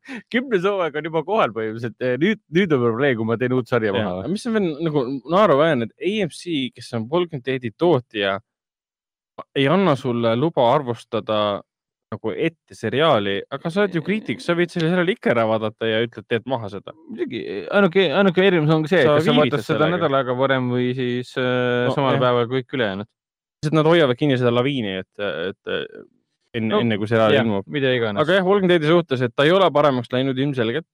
seal on huvitavad öö, elemendid, seal on põnevad kohad, põnevad karakterid. sa pead nendeni jõudma ja mina ei suuda, mul, minul puudub kannatus istuda ekraani ees, vaadata, kui mitte midagi ei toimu. et jõuda sellest läbi hetkeni, kui hakkab midagi toimuma, ma pigem kerin sinna ma, ja ma ei kaota mitte midagi. mul ei teki seda OCD elementi, oh, kas ma kaotan midagi, ei. sa näed, et kaks tegelast istuvad kümme minutit ühes ruumis ja räägivad üksteisega sa kerid selle stseeni lõppu ja saad aru, et nad jõudsid äh, jutuga lõpuni ja sa tead algusest peale, millest see jutt on olnud, sa ei kaota mitte midagi. no klassikaline vestlus on see, kus siis üks tegelane läheneb teisele ja ütleb, et kuule, tead, seoses eelmise õhtuga ma olen ikka mõelnud, et seda vist ei tohiks enam korduda. ja ei, ma olen, ma olen sama nõu-, sama nõus, et noh, mulle meeldis see, mis me tegime, aga samas noh, tead Mm. teiste mõttes ja ma arvan sama, noh, et nagu mul, ma mäletan, kui kunagi see girlfriend oli, siis temaga oli sama probleem, et ah okei okay,, et noh No, me saame aru see on- sellest ja siis on veerand tundi möödas. selliseid stseene täis, nad konstantselt nagu venitavad, Walking Dead konstantselt venitab oma runtime'i täis, et nad saaksid selle koosoleku nelikümmend kolm, nelikümmend kuus minutit täis. ja ongi ja kui publik on nagu bored out of his mind Jah. Siis panevad sinna lõppu mingi nii, see, kas see tegelane sureb ära nüüd või? ja, ja see on kogu Sa- aeg. selle saad teada järgmises osas., peaaegu igas episoodis, et armastatud tegelane või niisugune meeldiv karakter pannakse olukorda, kus ta võib surra. või siis igaks juhuks nad vaatavad, aa, meil on vist kümme episoodi jutti, inimestel on igav, tapame kellegi ära. et noh, Walking Dead, Walking Dead on nostalgiline, on huvitav vaadata, sest ma vanasti vaatasin seda esimesest episoodist ja mulle ta meeldis. vot, aga räägime nüüd, räägime nüüd sellest, et Hendrik, sina vaatasid oma, oma Blu-ray ähm, kollektsioonist, tulnuka filmide Blu-ray kollektsioonist ähm, kaks äh, filmi. mis äh, filmid need olid ja miks, sa uuesti vaatasid? ja, ja sina vaatasid ka tegelikult. äh, mina vaatasin sinu eeskujul, sina oled see OG antud juhul. Aga ja ma siin hiljuti ostsin endale siinsamas kodumaisest äh, Blu-ray'de, Blu-ray'de poodidest nii-öelda, ostsin siis endale tulnuka kõik, kogu, kõigi kuue filmi kollektsiooni, Six Film äh, Collection äh, Blu-ray siis põhimõtteliselt. ja tegemist on siis sellise kollektsiooniga, kus igal filmil on kaasas nende alternatiivsed äh, mm, versioonid, kaasa arvatud siis näiteks esimese tulnuka filmi Director's Cut, teise tulnuka filmi Director's Cut. esimesest tulnuka filmist on tehtud kattu. ja, aga see on veits pikem lihtsalt, erinevalt erinevalt siis teisest filmist, Aliensist, James Cameroni omast, mida režissöör peabki õigeks versiooniks, Director's Cut'i. kuna ta on mingi kakskümmend kolm minti pikem vist, midagi sellist. kurat, ma ei olegi ühtegi, välja arvatud nüüd tulnukas kolm ja tulnuka, tulnuka taassünd äh,. siis ma ei olegi ühtegi Director's Cut'i rohkem näinud. kusjuures oled küll, sul lihtsalt ei ole meeles, sest me oleme vaadanud nii erinevatel aegadel neid. televisiooni vahendusel. ja, aga mingil muul kujul olen ka näinud, sest äh, mis, mis on näiteks üks eri- väga kerge erinevus Aliensi puhul, mis asi on Cut'i ja kinoversiooni erinevus? režissööri versiooni, versiooni erinevus. režissööri versioonis on siis see, kus siis on see mm, Ellen Ripley tütre teema, mida kinoversioonis ei ole. aa, jaa. jah, see ongi erinevus ja sa oled näinud seda. ehk siis televisioonis, kui ma väiksena vaatasin seda filmi, siis näidati juba Director's Cut'i. mingitel hetkel näidati jah, aga tegelikult. tulnukas kolme Director's Cut'i pole kunagi olnud. See ei ole Cut, sest see on Assembly Cut. See ei ole nii-öelda ametlikult, ta ei ole Ahah. siukest asja pole olemas. tulnukas neljasada special edition versiooni pole ka tele-. see on lihtsalt. eriväljaanne ja režissöör ise, Jean-Pierre Genet on öelnud, et see on tema versioon, mis kinno tuli. aga mis, kas sa juba tead ka, mis on esimese tulnuka see Cut'i erinevused või mis seal lisa on? tead, seda ma nüüd nii täpselt ei mäleta. okei okay,, no sul on veel aega läbi vaadata. seal olid mingid minutid, mis oli muudetud ja puha, sama, tõenäoliselt on ta sama kosmeetiline nagu s- Alien äh, neljanda oma. Mhm. aga miks ma kolmandat vaatasin, sellepärast et olid ju need munadepühad. ja munadepühad on ju se- seoses sellega, et Jeesus mees äh, suri ja taassündis. ja siis ma mõtlesingi, et huvitav, mis need filmid on, eriti just õudusfilmid, mis need õudusfilmid võiksid olla, mida vaadata siis munadepühade ajal, mis seostuks siis äh, äh, suremise ja taassünniga. okei, ja siis ma vaatasin, et kuule, aga ma ei ole seda kollektsiooni lahti teinudki ju. okei okay,, kile oli küll maas, aga ma pole seda ju karbist välja võtnudki ega sisse isegi pannud. ma vaatasin, et aga siin on ju tulnukas kolm ja tulnukas neli, mille ala pealkiri on? taassünd, resurrection ja tulnukas kolm äh, räägibki sõna otseses mõttes ju enese ohverdamisest, suremisest, lõplikust hävingust nii-öelda. jah, ja, ja Assembly Cut ise on tegelikult, see kohe ütleb, mis asi on Alien kolme Assembly Cut, aga see on ka taassünd antud filmile. ja täpselt ja tulnukas neli ehk siis Alien Resurrection, vaatasin siis seda eriväljaannet, kes Special Edition. äh, on sõna otseses mõttes taassünd, Ripley sünnib taas, okei okay,, kloonituna küll, aga mingi kaheksakümne viies versioon või mis ta oli seal, kaheksas äkki hoopis, -hmm. aga ikkagi taassünd. aga jah, et äh, ausalt öeldes mina ei mäletagi enam, milline see kinoversioon, see kurikuulus David Fincheri poolt maha salatud, stuudio poolt ümber lõigatult kokku käkerdatud kinoversioon sellest tulnukast kolmest tegelikult oli. ma reaalselt ei mäleta, sest ma mäletan, et, et, et kuna ta oli nii halb, siis ma ei tahtnud kunagi tulnukast kolme eriti uuesti vaadata. ma mäletan ka kusjuures, et äh, väiksena vaatasime Tulnukas kolme vist telekast uuesti. meile noh, väiksena ikka meeldis. mina mäletan, et ma jäin magama sel ajal. sellega oligi see häda, et oli mingid tempoprobleemid ja tegelaste probleemid, mitte miski polnud eriti nagu huvitav, ta läks, hakkas venima, kõik oli kuidagi ebaloogiline, polnud mingit seda umfi ei olnud, polnud seda motiveeritust nendest ei tegelastest ega ka sündmustest nii-öelda. ja lõpus, kui me Assembly Cut'i, ma olen vist ikkagi varem näinud, aga mul ei ole korrektset mälestust, si- võib öelda nii, et esmakordselt ma siis vaatasin teadlikult ja korralikult ja ettevalmistunud just nimelt Alien kolm Assembly miks ma tean, et ma ei ole Alien kolme Assembly Cut'i näinud, on sellepärast, et mina olen näinud ainult seda versiooni, kui Ripley lõpus kusjuures jaa, ma olen nõus. ja kukub sinna Molten Core'i. Alati hüppab välja stuudio poolt soovitatud ja, pisike tulnukas ema, Alien Queen tema kõhus. kurat, sul on õigus, siis ma, siis ma nägin nüüd, nüüd, munade püha ajal ma nägin esmakordselt siis miks seda ma olin täiesti šokeeritud, et seda ei olnud. ja ma olin ka. mul oli see lapsepõlves alati meelde jäänud, kuidas ta langeb ja ta hoiab kinni sellest neetud tulnud kuningannast, kes tema rinnast tahab välja peksta. et mitte ära surra. kinni, et temaga koos laevasse lennata. see oli stuudio ütles Fincherile panna sisse, hiljem nagu Fincher lä- läks minema sealt põhimõtteliselt ähm, re- reisijari koha pealt, stuudio pani selle sisse ja siis, kui nad tegid Assembly Cut'i, noh, küll sama stuudio põhimõtteliselt andis rohelise tule sellele, siis filmi tegijad austasid, kes aitasid seda kokku panna, austasid Fincheri soove, kuigi Fincher andis küll oma õnnistuse sellele, aga ta ei olnud sellega üldse seotud, siis võeti see koht sealt välja. jah, aga põhipoint, sa oled minuga nõus, Ragnar, et, et kui sa kunagi oled näinud Tulnukas kolme ja sulle selles seerias see üldse ei meeldinud, sest ta oli nagu ta oli, sest kõik Mm. teavad, milline ta oli ja sa ei ole näinud seda kurikuulsat äh,, mitte äh, kauaoodatud või taassündi äh, Assembly Cut'i sellest Tulnukas kolmest, siis sa pead seda nägema. tal vist kaks ja pool tundi kestis. ta on pikk, aga ta ei ole kunagi igav, aga kunagi aeglane. see on, see on see film, mida tõenäoliselt Fincher teha tahtis yeah., sest ta on lihtsalt niivõrd hõrgutav kunstiline Ta- õudusfilm nagu haarab sind endasse, see esimesest kaardist alates, eriti kui nad sinna planeedile jõuavad, selle Need rannatseenid. vanglaplaneedid, need rannatseenid ja see muusika koosseis. mul tulid külmavärinad peale lihtsalt. tihtipeale, kui nad filmib neid vange, kes omavahel räägivad, kuidas vangid on paigutatud selles kaadris, kuidas kaamera liigub. ma olen okei okay, mõjutatud ühest videoesseest ähm, Alien kolm The Unloved, kui Google'isse panete Alien kolm The Unloved, või see on. Vimeo link, kus ähm, Ro- Roger Tiibeti kodulehe siis äh, üks kriitikutest, Scott Tafoya, tal on terve. Unloved'i seeria. seal ta räägib pikalt ja laialt palju targemalt intelligentselt kui mina, kuidas Ja mina. ja mis ja täpselt, eriti sina ja kuidas ja mis mõjutas äh, tulnukas kolme loomist Mhm. ja mis olid kõik Fincheri soovid ja kuidas stuudio põhimõtteliselt ehmatas ära, issand jumal, sa teed mingit kunstilist filmi tulnuka seerias või? tahtsime, sa teeksid järgmise tulnuka, mis sarnaneb James Cameroni tulnukale, action filmi, sa teed mingi sümboolse filmi, kuidas Ripley langeb maale võõral planeedile nagu antikristus mustana. võetakse, tehakse puhtaks, ta toob endaga kaasa koletise, on valmis sünnitama ähm, tulevast mingisugust äh, antikristust ja äh, religioossetest teemadest ja, ja, ja abordi teemadest boksfilm yeah. põhimõtteliselt. jah, nagu see Scott Taf- Tafoya seal oma videos sees ütles ka, et milline äh, mõistuspärane stuudio tahaks toetada äh, suurt stuudiofilmi, mille põhieesmärk on aborti teha. ja mis kutsub, mille peategelane tahab teha ja film toetab tema otsust. muidugi see oli üheksakümnendate algus, sest hiljem ju tuli Ridley Scott tagasi ja tegi Prometheuse, kus sõna otseses mõttes tehti aborti ehk siis tõmmati elusloode välja. oli jah? Seal oli see suur kirurgitseen ja kus ta iseennast iseendale tegi aborti. Noomi Rapasset võeti lausa. Jaa, täpselt, ja ja, ja see oli see kõige vägevam seeria üldse, mida inimesed alati armastasid. see oli väga haige, seda ma mäletan siiamaani. aga Tulnukas kolm Assembly Cut on kohustuslik. ta on täiesti teistsugune film kui Aliens.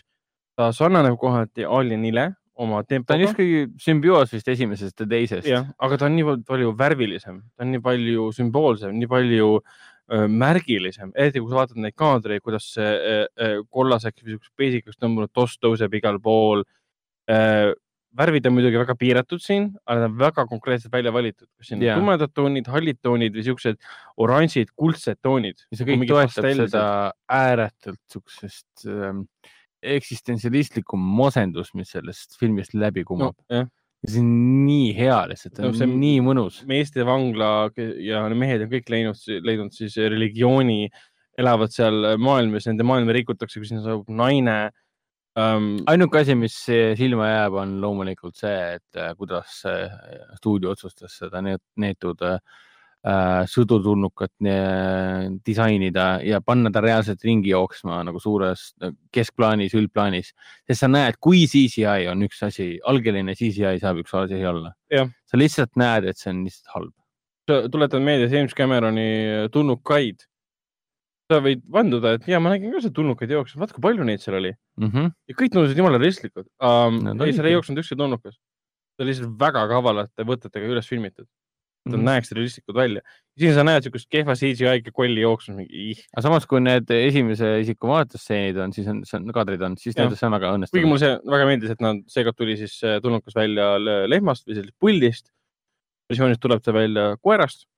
Kuigi see koera teema on siia sisse jäetud, et kui see üks tegelane vaatab sinna auku, et kas see on minu koer, see on esmakordne, kui ta üldse mingit koera siis mainib, tegelikult vaata ei saa enam aru, millest jutt. aga neil pole võime- võimalik seda enam muuta. jah, jah, ja siin ongi tegelikult, et need äh, stseenid ja kaadrid, mis jäid kõik montaažiruumi põrandale, on kõik ümber loodud aastaks, mis oli kaks tuhat kümme, kui nad tegid selle versiooni. kaks tuhat kolm. jah, ehk siis tal on uued Foley, Foley helid ja efektid jah, kaks tuhat kolm tuli välja, oli vist niipidi, et kaks tuhat kolm äh, tuli välja see uus kollektsioon, kus esmakordselt ilmus Assembly Cut ja minu meelest aastal kaks tuhat kümme alles Blu-ray väljaandeks ah,. Tehti reaalselt esimest korda täiendavad äh, post- postproduktsiooni tööd Assembly Cutile, et see sinna lisatud materjalid oleksid ühtlased äh, kinoversiooni materjaliga, sest kaks versiooni on kokku pandud. sul on õigus jah, kaks tuhat kolm, siis nad paistsid välja. mis on hämmastav, et nüüd ma tahaks seda kahe tuhande kolmanda aasta versiooni näha, et kuivõrd erinevad need kaks erinevat materjali on nüüd, kinoversioon ja siis juurde pandud materjal. et päris hämmastav, et alles seda nii palju aastaid hiljem tehti. Aga ja, kui tulnuka seeria oleks lõppenud tulnukas kolmega ja just nimelt Assembly Cut'i versioonina, siis ma oleksin olnud äh, ääretult, ääretult masenduses ja kurb, aga ma oleksin väga õnnelik olnud. see oleks ideaalne lõpp olnud muidugi, et noh, see on liiga edukas seeria selleks, et liiga masendav lõpp. Ripley teeb enesetapu põhimõtteliselt, et, et päästa maailm tulnukate küüsist ja siis tuleb tulnukas neli, mõned aastad hiljem, mingi neli aastat hiljem vist või üheksakümmend seitse vist oli see. üheksakümmend kolm oli hiljem kolm, neli, neli aastat hiljem mingi, kuule poisid ähm,, kuidas me tagasi toome? kuule jääb aastat kakssada aastat hiljem ja me kloonisime Ripley. oota, aga kuidas ta hüppas tul-, ta hüppas laavasse ju? ei, selle vanglaplaneedil oli kuskil veri, et me saime seda kloonida, pohhui äh,. ja kriitikutele omal ajal see idee väga meeldis ja ma vaatasin ka, ja ta ütles, et see oli täiesti geniaalne, see Josh Whedoni idee muidugi, tema kirjutas toona see stsenaarium, mida siis film nagu butcheris mingil kujul. tema idee oligi see, et mille, lihuniku tööd. Tihuniku tööd tema tegi ja, stsenaariumi ja seda kiideti puhtalt sellepärast, et see esiteks ta distantseeris ennast piisavalt palju eelmisest filmist. Läks piisavalt kaugusele tulevikku, et ta ei seostuks eriti esimese filmiga. ja ta oli nagu väga selline eraldiseisev lausa. et, ta on, et see, et no, kloonid ja kakssada aastat hiljem lubab luua uue, uue maailma ja kõik muu nagu selja taha heita. kui nad oleksid tahtnud, oleksid võinud Ellen Ripley'ga lugematu hulga veel filme edasi teha. ja kõik see Wayland Yutani teema lükati ka ju minevikku. selles Jah. mõttes seal öeldi, et äh, mingi imelik. Walmart ostis ära Walmart ostis Wayland Yutani ära. muidu oleks pankrotini. täpselt. aga Alien neli on äh, äge film. Ja ma olen üllatunud, kui hästi see vastu pidanud on, eriti just selle tulnukate disaini poolest, sest see on üks asi, mis mulle Alien Resurrectioni puhul on alati meelde jäänud, sest see tulnukate disain on mingi eriti õline, eriti ilane, ma kujutan ette, et seal kuum. kostüümikunstniku käest küsiti, et kui palju ila tahate tulnukate peale panna, siis kostüümikunstnik vastas jah. suht jah. seal kohati on küll umbes niimoodi, tahate Arf Vertikut, no issand jumal, su nägu on lihtsalt paksud ila siis see Brad Dourif vist või, kes mängis Jah. seda peateadlast ja siis tema käest küsiti, et kuule, et äh, kui, kui sellist äh, lähedast äh, suhet sa selle hullu teadlase suhtes tahad teha nende tulnukatega ja, ja siis äh, Brad Dourif vastas jah. ja., mingi okei okay,, nii et sa hakkad selle tulnukaga amelema seal ekraani eh, klaasi, läbipaistva klaasi peal, jah. aga okay., aga, aga see on selles mõttes suurepärane, kui Alien kolmes nägi, nägi, nägi tulnuka liikumine veider välja, siis Jah. yeah. mõttes. siis siin püha müristus, see näeb parem välja kui Alien Covenantis. ja see on nii ilus lihtsalt, kui hästi see sobitub kokku selle noh, selle tööstusliku, militaristliku selle äh, kosmoselaeva disaini ja valguse Mm. ja tossudega, kõigega. jällegi väga omapärane visuaalne ilme on filmil. ja, seal on- annavad tooni, noh, pruunid, kollased, rohelised, okei okay,, tumedad värvid ka muidugi. jällegi see igal pool tossu tõuseb kogu aeg, issand jumal.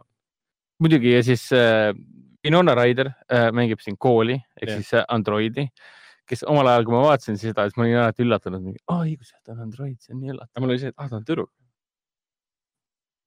It's a girl uh,. Winona Ryder, siis on meil muidugi Ron Perlman, kes jääb filmi lõpus ellu, mis on nagu, see on, see ei ole spoiler, see on vana film nii-öelda. see oli üllatav. ta Ja alustas alustas siukse, siukse mölakana. ja siis see prantsuse näitleja, kelle nime ma ei mäleta, kes mängis seda ratastoolis olevat äh, prantsuse näitleja oli selles ähm, Jean-Pierre Jeunet selles ähm, City of Lost Children. City of Lost Children'is ka, jah. Üldsegi, üldse oli kummaline, kummaline valik Ilm nelja lavastamiseks. Dominique Pinon. jah, sest äh, Jean-Pierre Jeunet sai Ilm nelja kutse lavastada seda filmi samal ajal, kui ta lõpetas äh, Amelie stsenaariumit Okei. et sa oled Amelie, Amelie stsenarist, see reisijär ja siis kutsutakse Ilm nelja lavastama. lugesin ka, et oli väga üllatunud, et aa, te tahate, et ma lavastaksin väga kuulsat mingit ulmefrantsiisi või? Ma olen mingi prantsuse reisijär, kes tegi, okei okay,, romantilise komöödia miks. teda kutsuti, on sellepärast, et ta tegigi City of Lost Children'i. see film on visuaalselt lihtsalt haige. lihtsalt vaadates seda filmi, sa ei kujuta ette, kuidas seda kohati tehti. ja Fox oligi see, et nad tahtsid, et film näeks väga huvitav välja ja kuidas teha asja veel huvitavamaks võrreldes hiljem kolmega, mis on kõik juba tehtud. sa võtadki reisijari, kes on tuntud väga omapärase ilme poolest ja saadigi tema. Küll taheti seal kutsuti Ridley Scotti tagasi ja kutsuti veel mingeid erinevaid reisijare, aga jah, Josh Whedon, keda praegu siin maailm äh, vihkab, siis kirjutas stsenaariumi, kirjutas stsenaariumit mitu korda ümber, sest äh, Foxile ei meeldinud erinevad asjad seal. ja siis tuli Gionee peale, kes väidetavalt võtetel ei osanud ühtegi sõna inglise keelt, tal oli tõlk seal. ja Josh Whedon hiljem on öelnud, et ähm, Ilm nelja stsenaarium, kui seda maha tehakse, siis ta alati kaitseb ennast sellega, et äh, jah, see võis olla minu stsenaarium, aga kui sa vaatad filmi, siis sa ei saa aru, et see oli minu stsenaarium kõik laused on teises kontekstis, kõik näitlejad on valitud valesti, kõik asjad on hoopis teistmoodi kujutatud, kirjutatud ümber natukenegi. ometigi see ei ole ju film, mis on tuntud selle poolest, et ta tehti maha. ei ole, aga võib-olla tema tundis nagu isiklikult rünnak, rünnatuna, et võib-olla keegi kuskil tegi maha No no, stsenaariumit. filmi tegemine on kompromiss, see käib asja juurde ja Mm. see on õnnestunud tükk, see on tõ- tõesti õnnestunud tükk. No no välja välja arvatud sellist special edition versiooni. jah, no selle erinevus on see, et algus ja lõputiitrid on erinevad, uuesti tehtud, kuna need on visuaalselt olid sellised hädavajalikud ja seda tuleb uuesti filmida reaalselt teha lausa. nõudis eelarvet lausa ja siis special edition'is on siis see uus lõpp filmile, et mis nad esialgses versioonis ka nad jõuavad maale, aga seekord siis näidatakse ka, kuhu nad seal maal jõudsid, siis nad jõudsid Pariisi Mm. ja kus, aga vestlus on sama, et äh, noh, mis tunne on siis siin tagasi olla ma ei noh, tea, ma ei ole siin kunagi olnud. I never been here basically, põhimõtteliselt noh, tegelikult vastab tõele ja vastab ka, sest. Ta kunagi ta oli, aga noh, aga see versioon Ripley'st ei olnud, sellest on mingi kolmsada aastat juba möödas, siis kuigi ma ei tea, miks maa hävinenud üldse. Eh, jah, aga algustiitrid mulle üldse ei meeldinud, need uued. see oli väga ta veider. oli halvasti tehtud, see oli üks asi, oleks ta veel kuidagi teistmoodi, siis jah. et see algab sellega, et me näeme justkui tulnud kuningannat äkki või?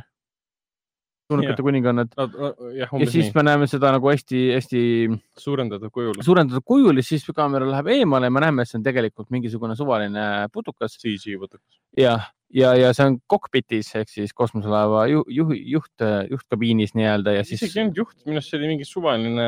mingi tööline Jah. äh, tegeles millegagi ja siis ta lõi ta maha, et see kohe tekitas küsimuse, mis kuradi pärast on kosmoses mingi putukas, mis lendab kellegi juures ja miks on ringi. kosmoselaevas? ja et miks see, jah, et millega, esialgne avang oli ju need suured, eriti lähedalt võetud mingid makro või kuradi suured-suured plaanid mingitest äh, ebamaisetest piltidest või kujunditest, põhimõtteliselt need olid vist selle Ripley eri ebaõnnestunud kloonide pildid põhimõtteliselt. ehk siis ta hästi kõhedalt algas tegelikult. My mommy always told me there are no answers but there are. sa tahad jah? aa, see algas selle sama lausega? Jah. ja, jah, jah.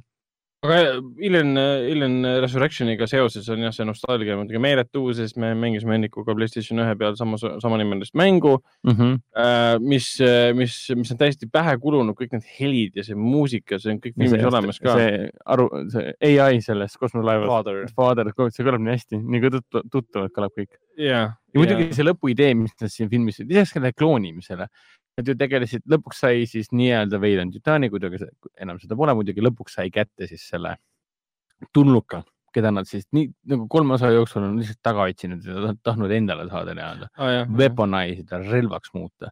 lõpuks nad siis said, kohe panid ajama nii-öelda, sest nad on nii targad. kuigi ma ei saanud nagu aru sellest, et sa kloonid tulnukaid ja miks sa paned nad kambrisse, kus nad on kolmekesi koos? jah, kas sa nagu teadnud, et nendel on Ja miks- hap, miks happeline veri, mis äh, hävitab kõik oma teel või? ja miks üldse nii palju neid sõdureid tegid? miks sul mingi kakskümmend sõdurit vaja oli?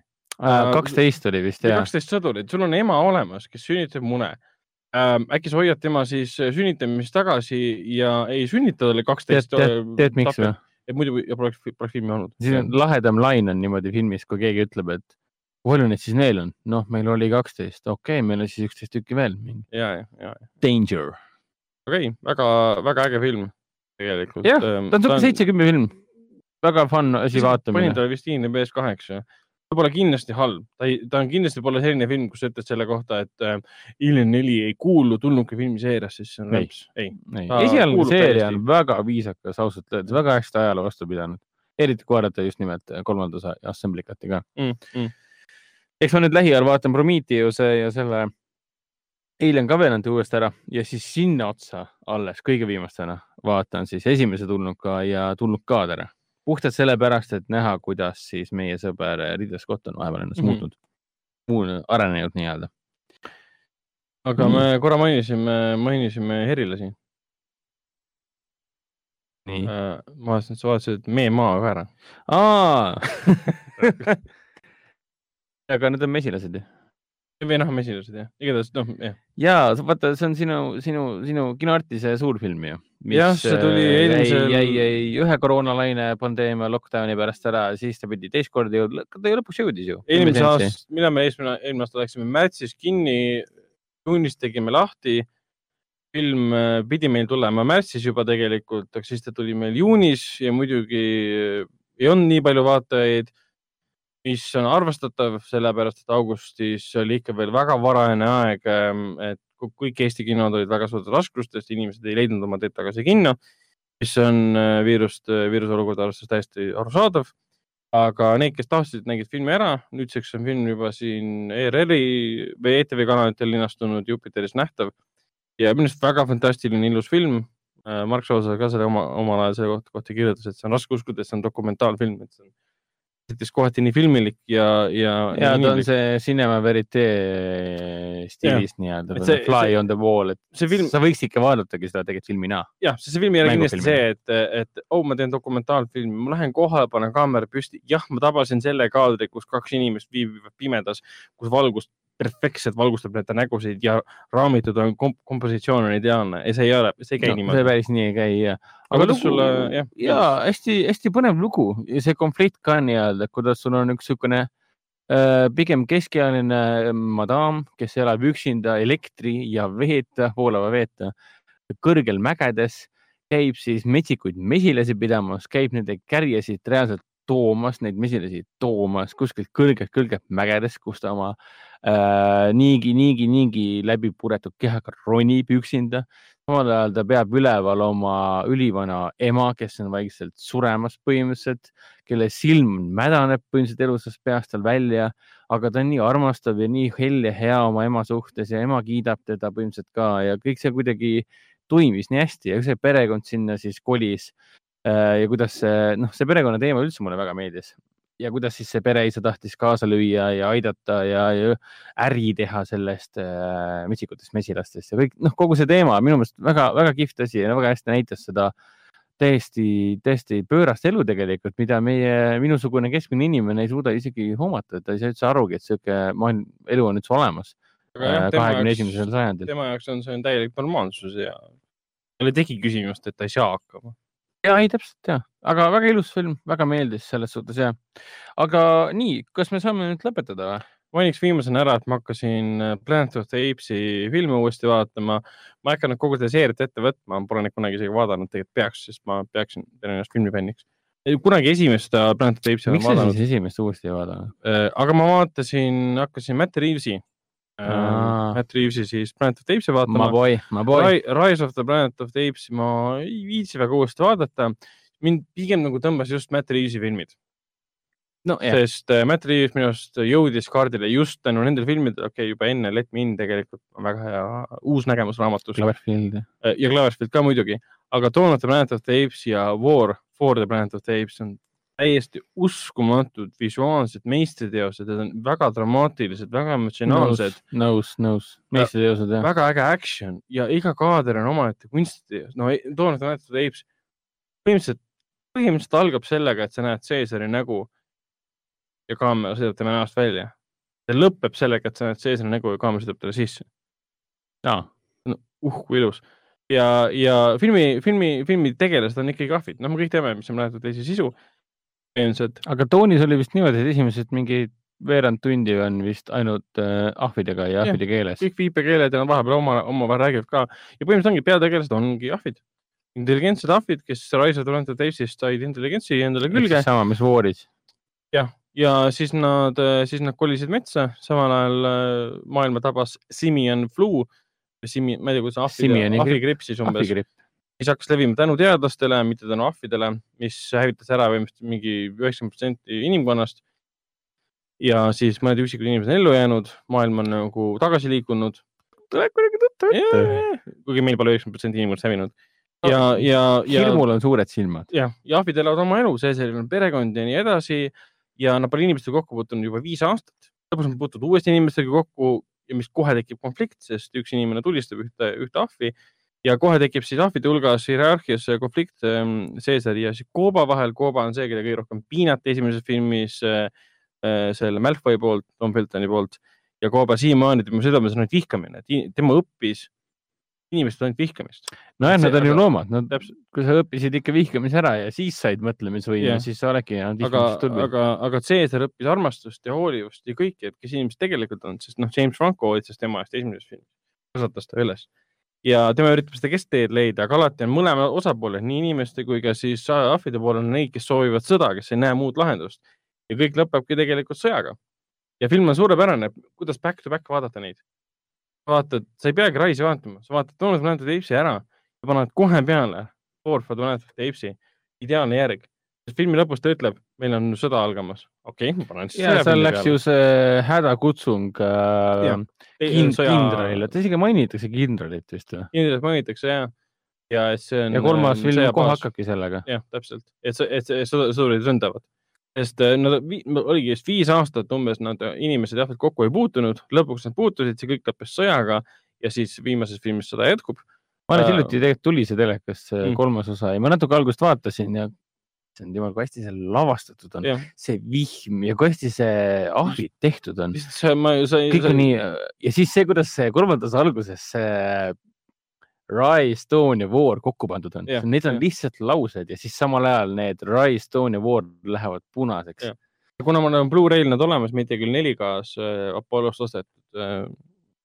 et sa vaatad ikka mingi talupoegade kraami. jah, okei, siin saate seda Apollot mainida äh. et ja Blu-ray pealt äh, vaatan War of the, War of the Planet of the Apes'i, aga ei, need on, me räägime nagu blockbuster filmidest, mis on suurte eelarvedega, uskumatu tehnoloogia CG-ga loodud, siis need on nagu ülimad eeskujud, kuidas teha väga tõsist filmi absurdsel teemal, et sul on ahvid peategelased, sul, sul on ahvid kangelased ja, ja see töötab. Andy Serkis lihtsalt väärib eluta preemiat, kui ta juba seda saanud ei ole. et äh, ma võtan Vooli ka veel uuesti ette, ma nägin seda viimati kinos, mis see võis olla kuus aastat tagasi või rohkem juba isegi. Kaks tuhat neliteist äkki või? ei, neliteist oli teine osa. Vool oli seitseteist äkki siis. neli aastat tagasi umbes. et äh, jah, täpselt, aga sellega saamegi tegelikult siis äh, lõpetada. ja, ja järgmisel, järgmisel korral äh, juba muudest äh, asjadest äh, rääkida filmidest ja, ja seriaalidest ja võib-olla ka siis ka kõikidest streaming platvormidest. senikaua saate lugeda Raiko lugu kinoveeb äh, delfi.ee lehel Eesti äh, platvormidest väga, väga, väga põhjalik lugu, kui inimesed on ka kommentaari jätnud ja tänanud põhjalikkuse eest. kõige esimene kommentaar oli seal, et millal Disney pluss saabub no,. seda, seda teeb ainult Disney. inimesed on näljased. jah, aga enamus ütles küll, et tänased Raikot loo eest, sest see on tõesti väga põhjalik lugu. ma lugesin seda ja mul oli see, et aa, igasugune erapooletu lugu, kus on olemas kõik Eestis kättesaadavad äh, voogedastusplatvormid ja sa tegelikult tahaksid ju teada saada, mis värk on, mitte nii nagu ah, tellin ühe, tellin ühe voogedastusplatvormi endale koju ja siis saan teada, et aa, et aga seda asja, mida ma tahtsin, ma sellest versioonist Jah. ei saagi või? mis siis, et ma maksan selle eest mingi nelikümmend viis tuhat krooni, euro, eurot kuus või? aga siis, siis loed nagu Apollo tv tuleb ette, siis suur, suurim tõmbenumber, esimene kuu on tasuta, siis saad aru mingi, aa. See ilmselt ei tähenda, et see platvorm väga hea on, kui ainuke tõmbenumber on see, et sa saad ta esialgu tasuta see oli päris hea, jah. see, kuidas teha nagu subtle dissi, mingi aa, okei okay., järelikult see ei ole hea. see ei ole subtle diss, sellepärast et äh, ma püüdsin ka tutvust teha Apollo tv-ga ja ka sorry, et kui sul ei ole erinevust äh, need, juba nendes, mis on juba turul olemas, siis äh, noh, miks ma peaksin ümber kolima Mm. ei ole nagu soodustust ka ei ole äh, kus teil noh, ei ole ju mingit seda, seda hädavajalikku erinevust, mille pärast ma peaksin ümber muutma. aga ja äh,, super, selles mõttes, et Raik on äh, väga suure töö ära teinud ja minge kõik siis äh, kinoveebi Delfi alalehele ja andke, andke hagu, andke tuld, lugege ja nautige ja tehke enda valik. aga ma ütlen, artikli nimi on ähm, äh, suur ülevaade äh, voogedastusplatvormid Eestis. kes, mis, mida ja kui palju pakub. autor Raiko Puus. ehk siis kõik see, mida sul vaja on. nii, kuule, aga me oleme vist juba mingi Zack Snyderi õigluse liiga jagu siin juttu rääkinud, et äkki oleks veel lõpetada või? aga jah, loeme saate saateks ja kohtume teiega mõne kord. olgu nii, tšau, Raiko saadab ka tervitusi, tšau. tšau.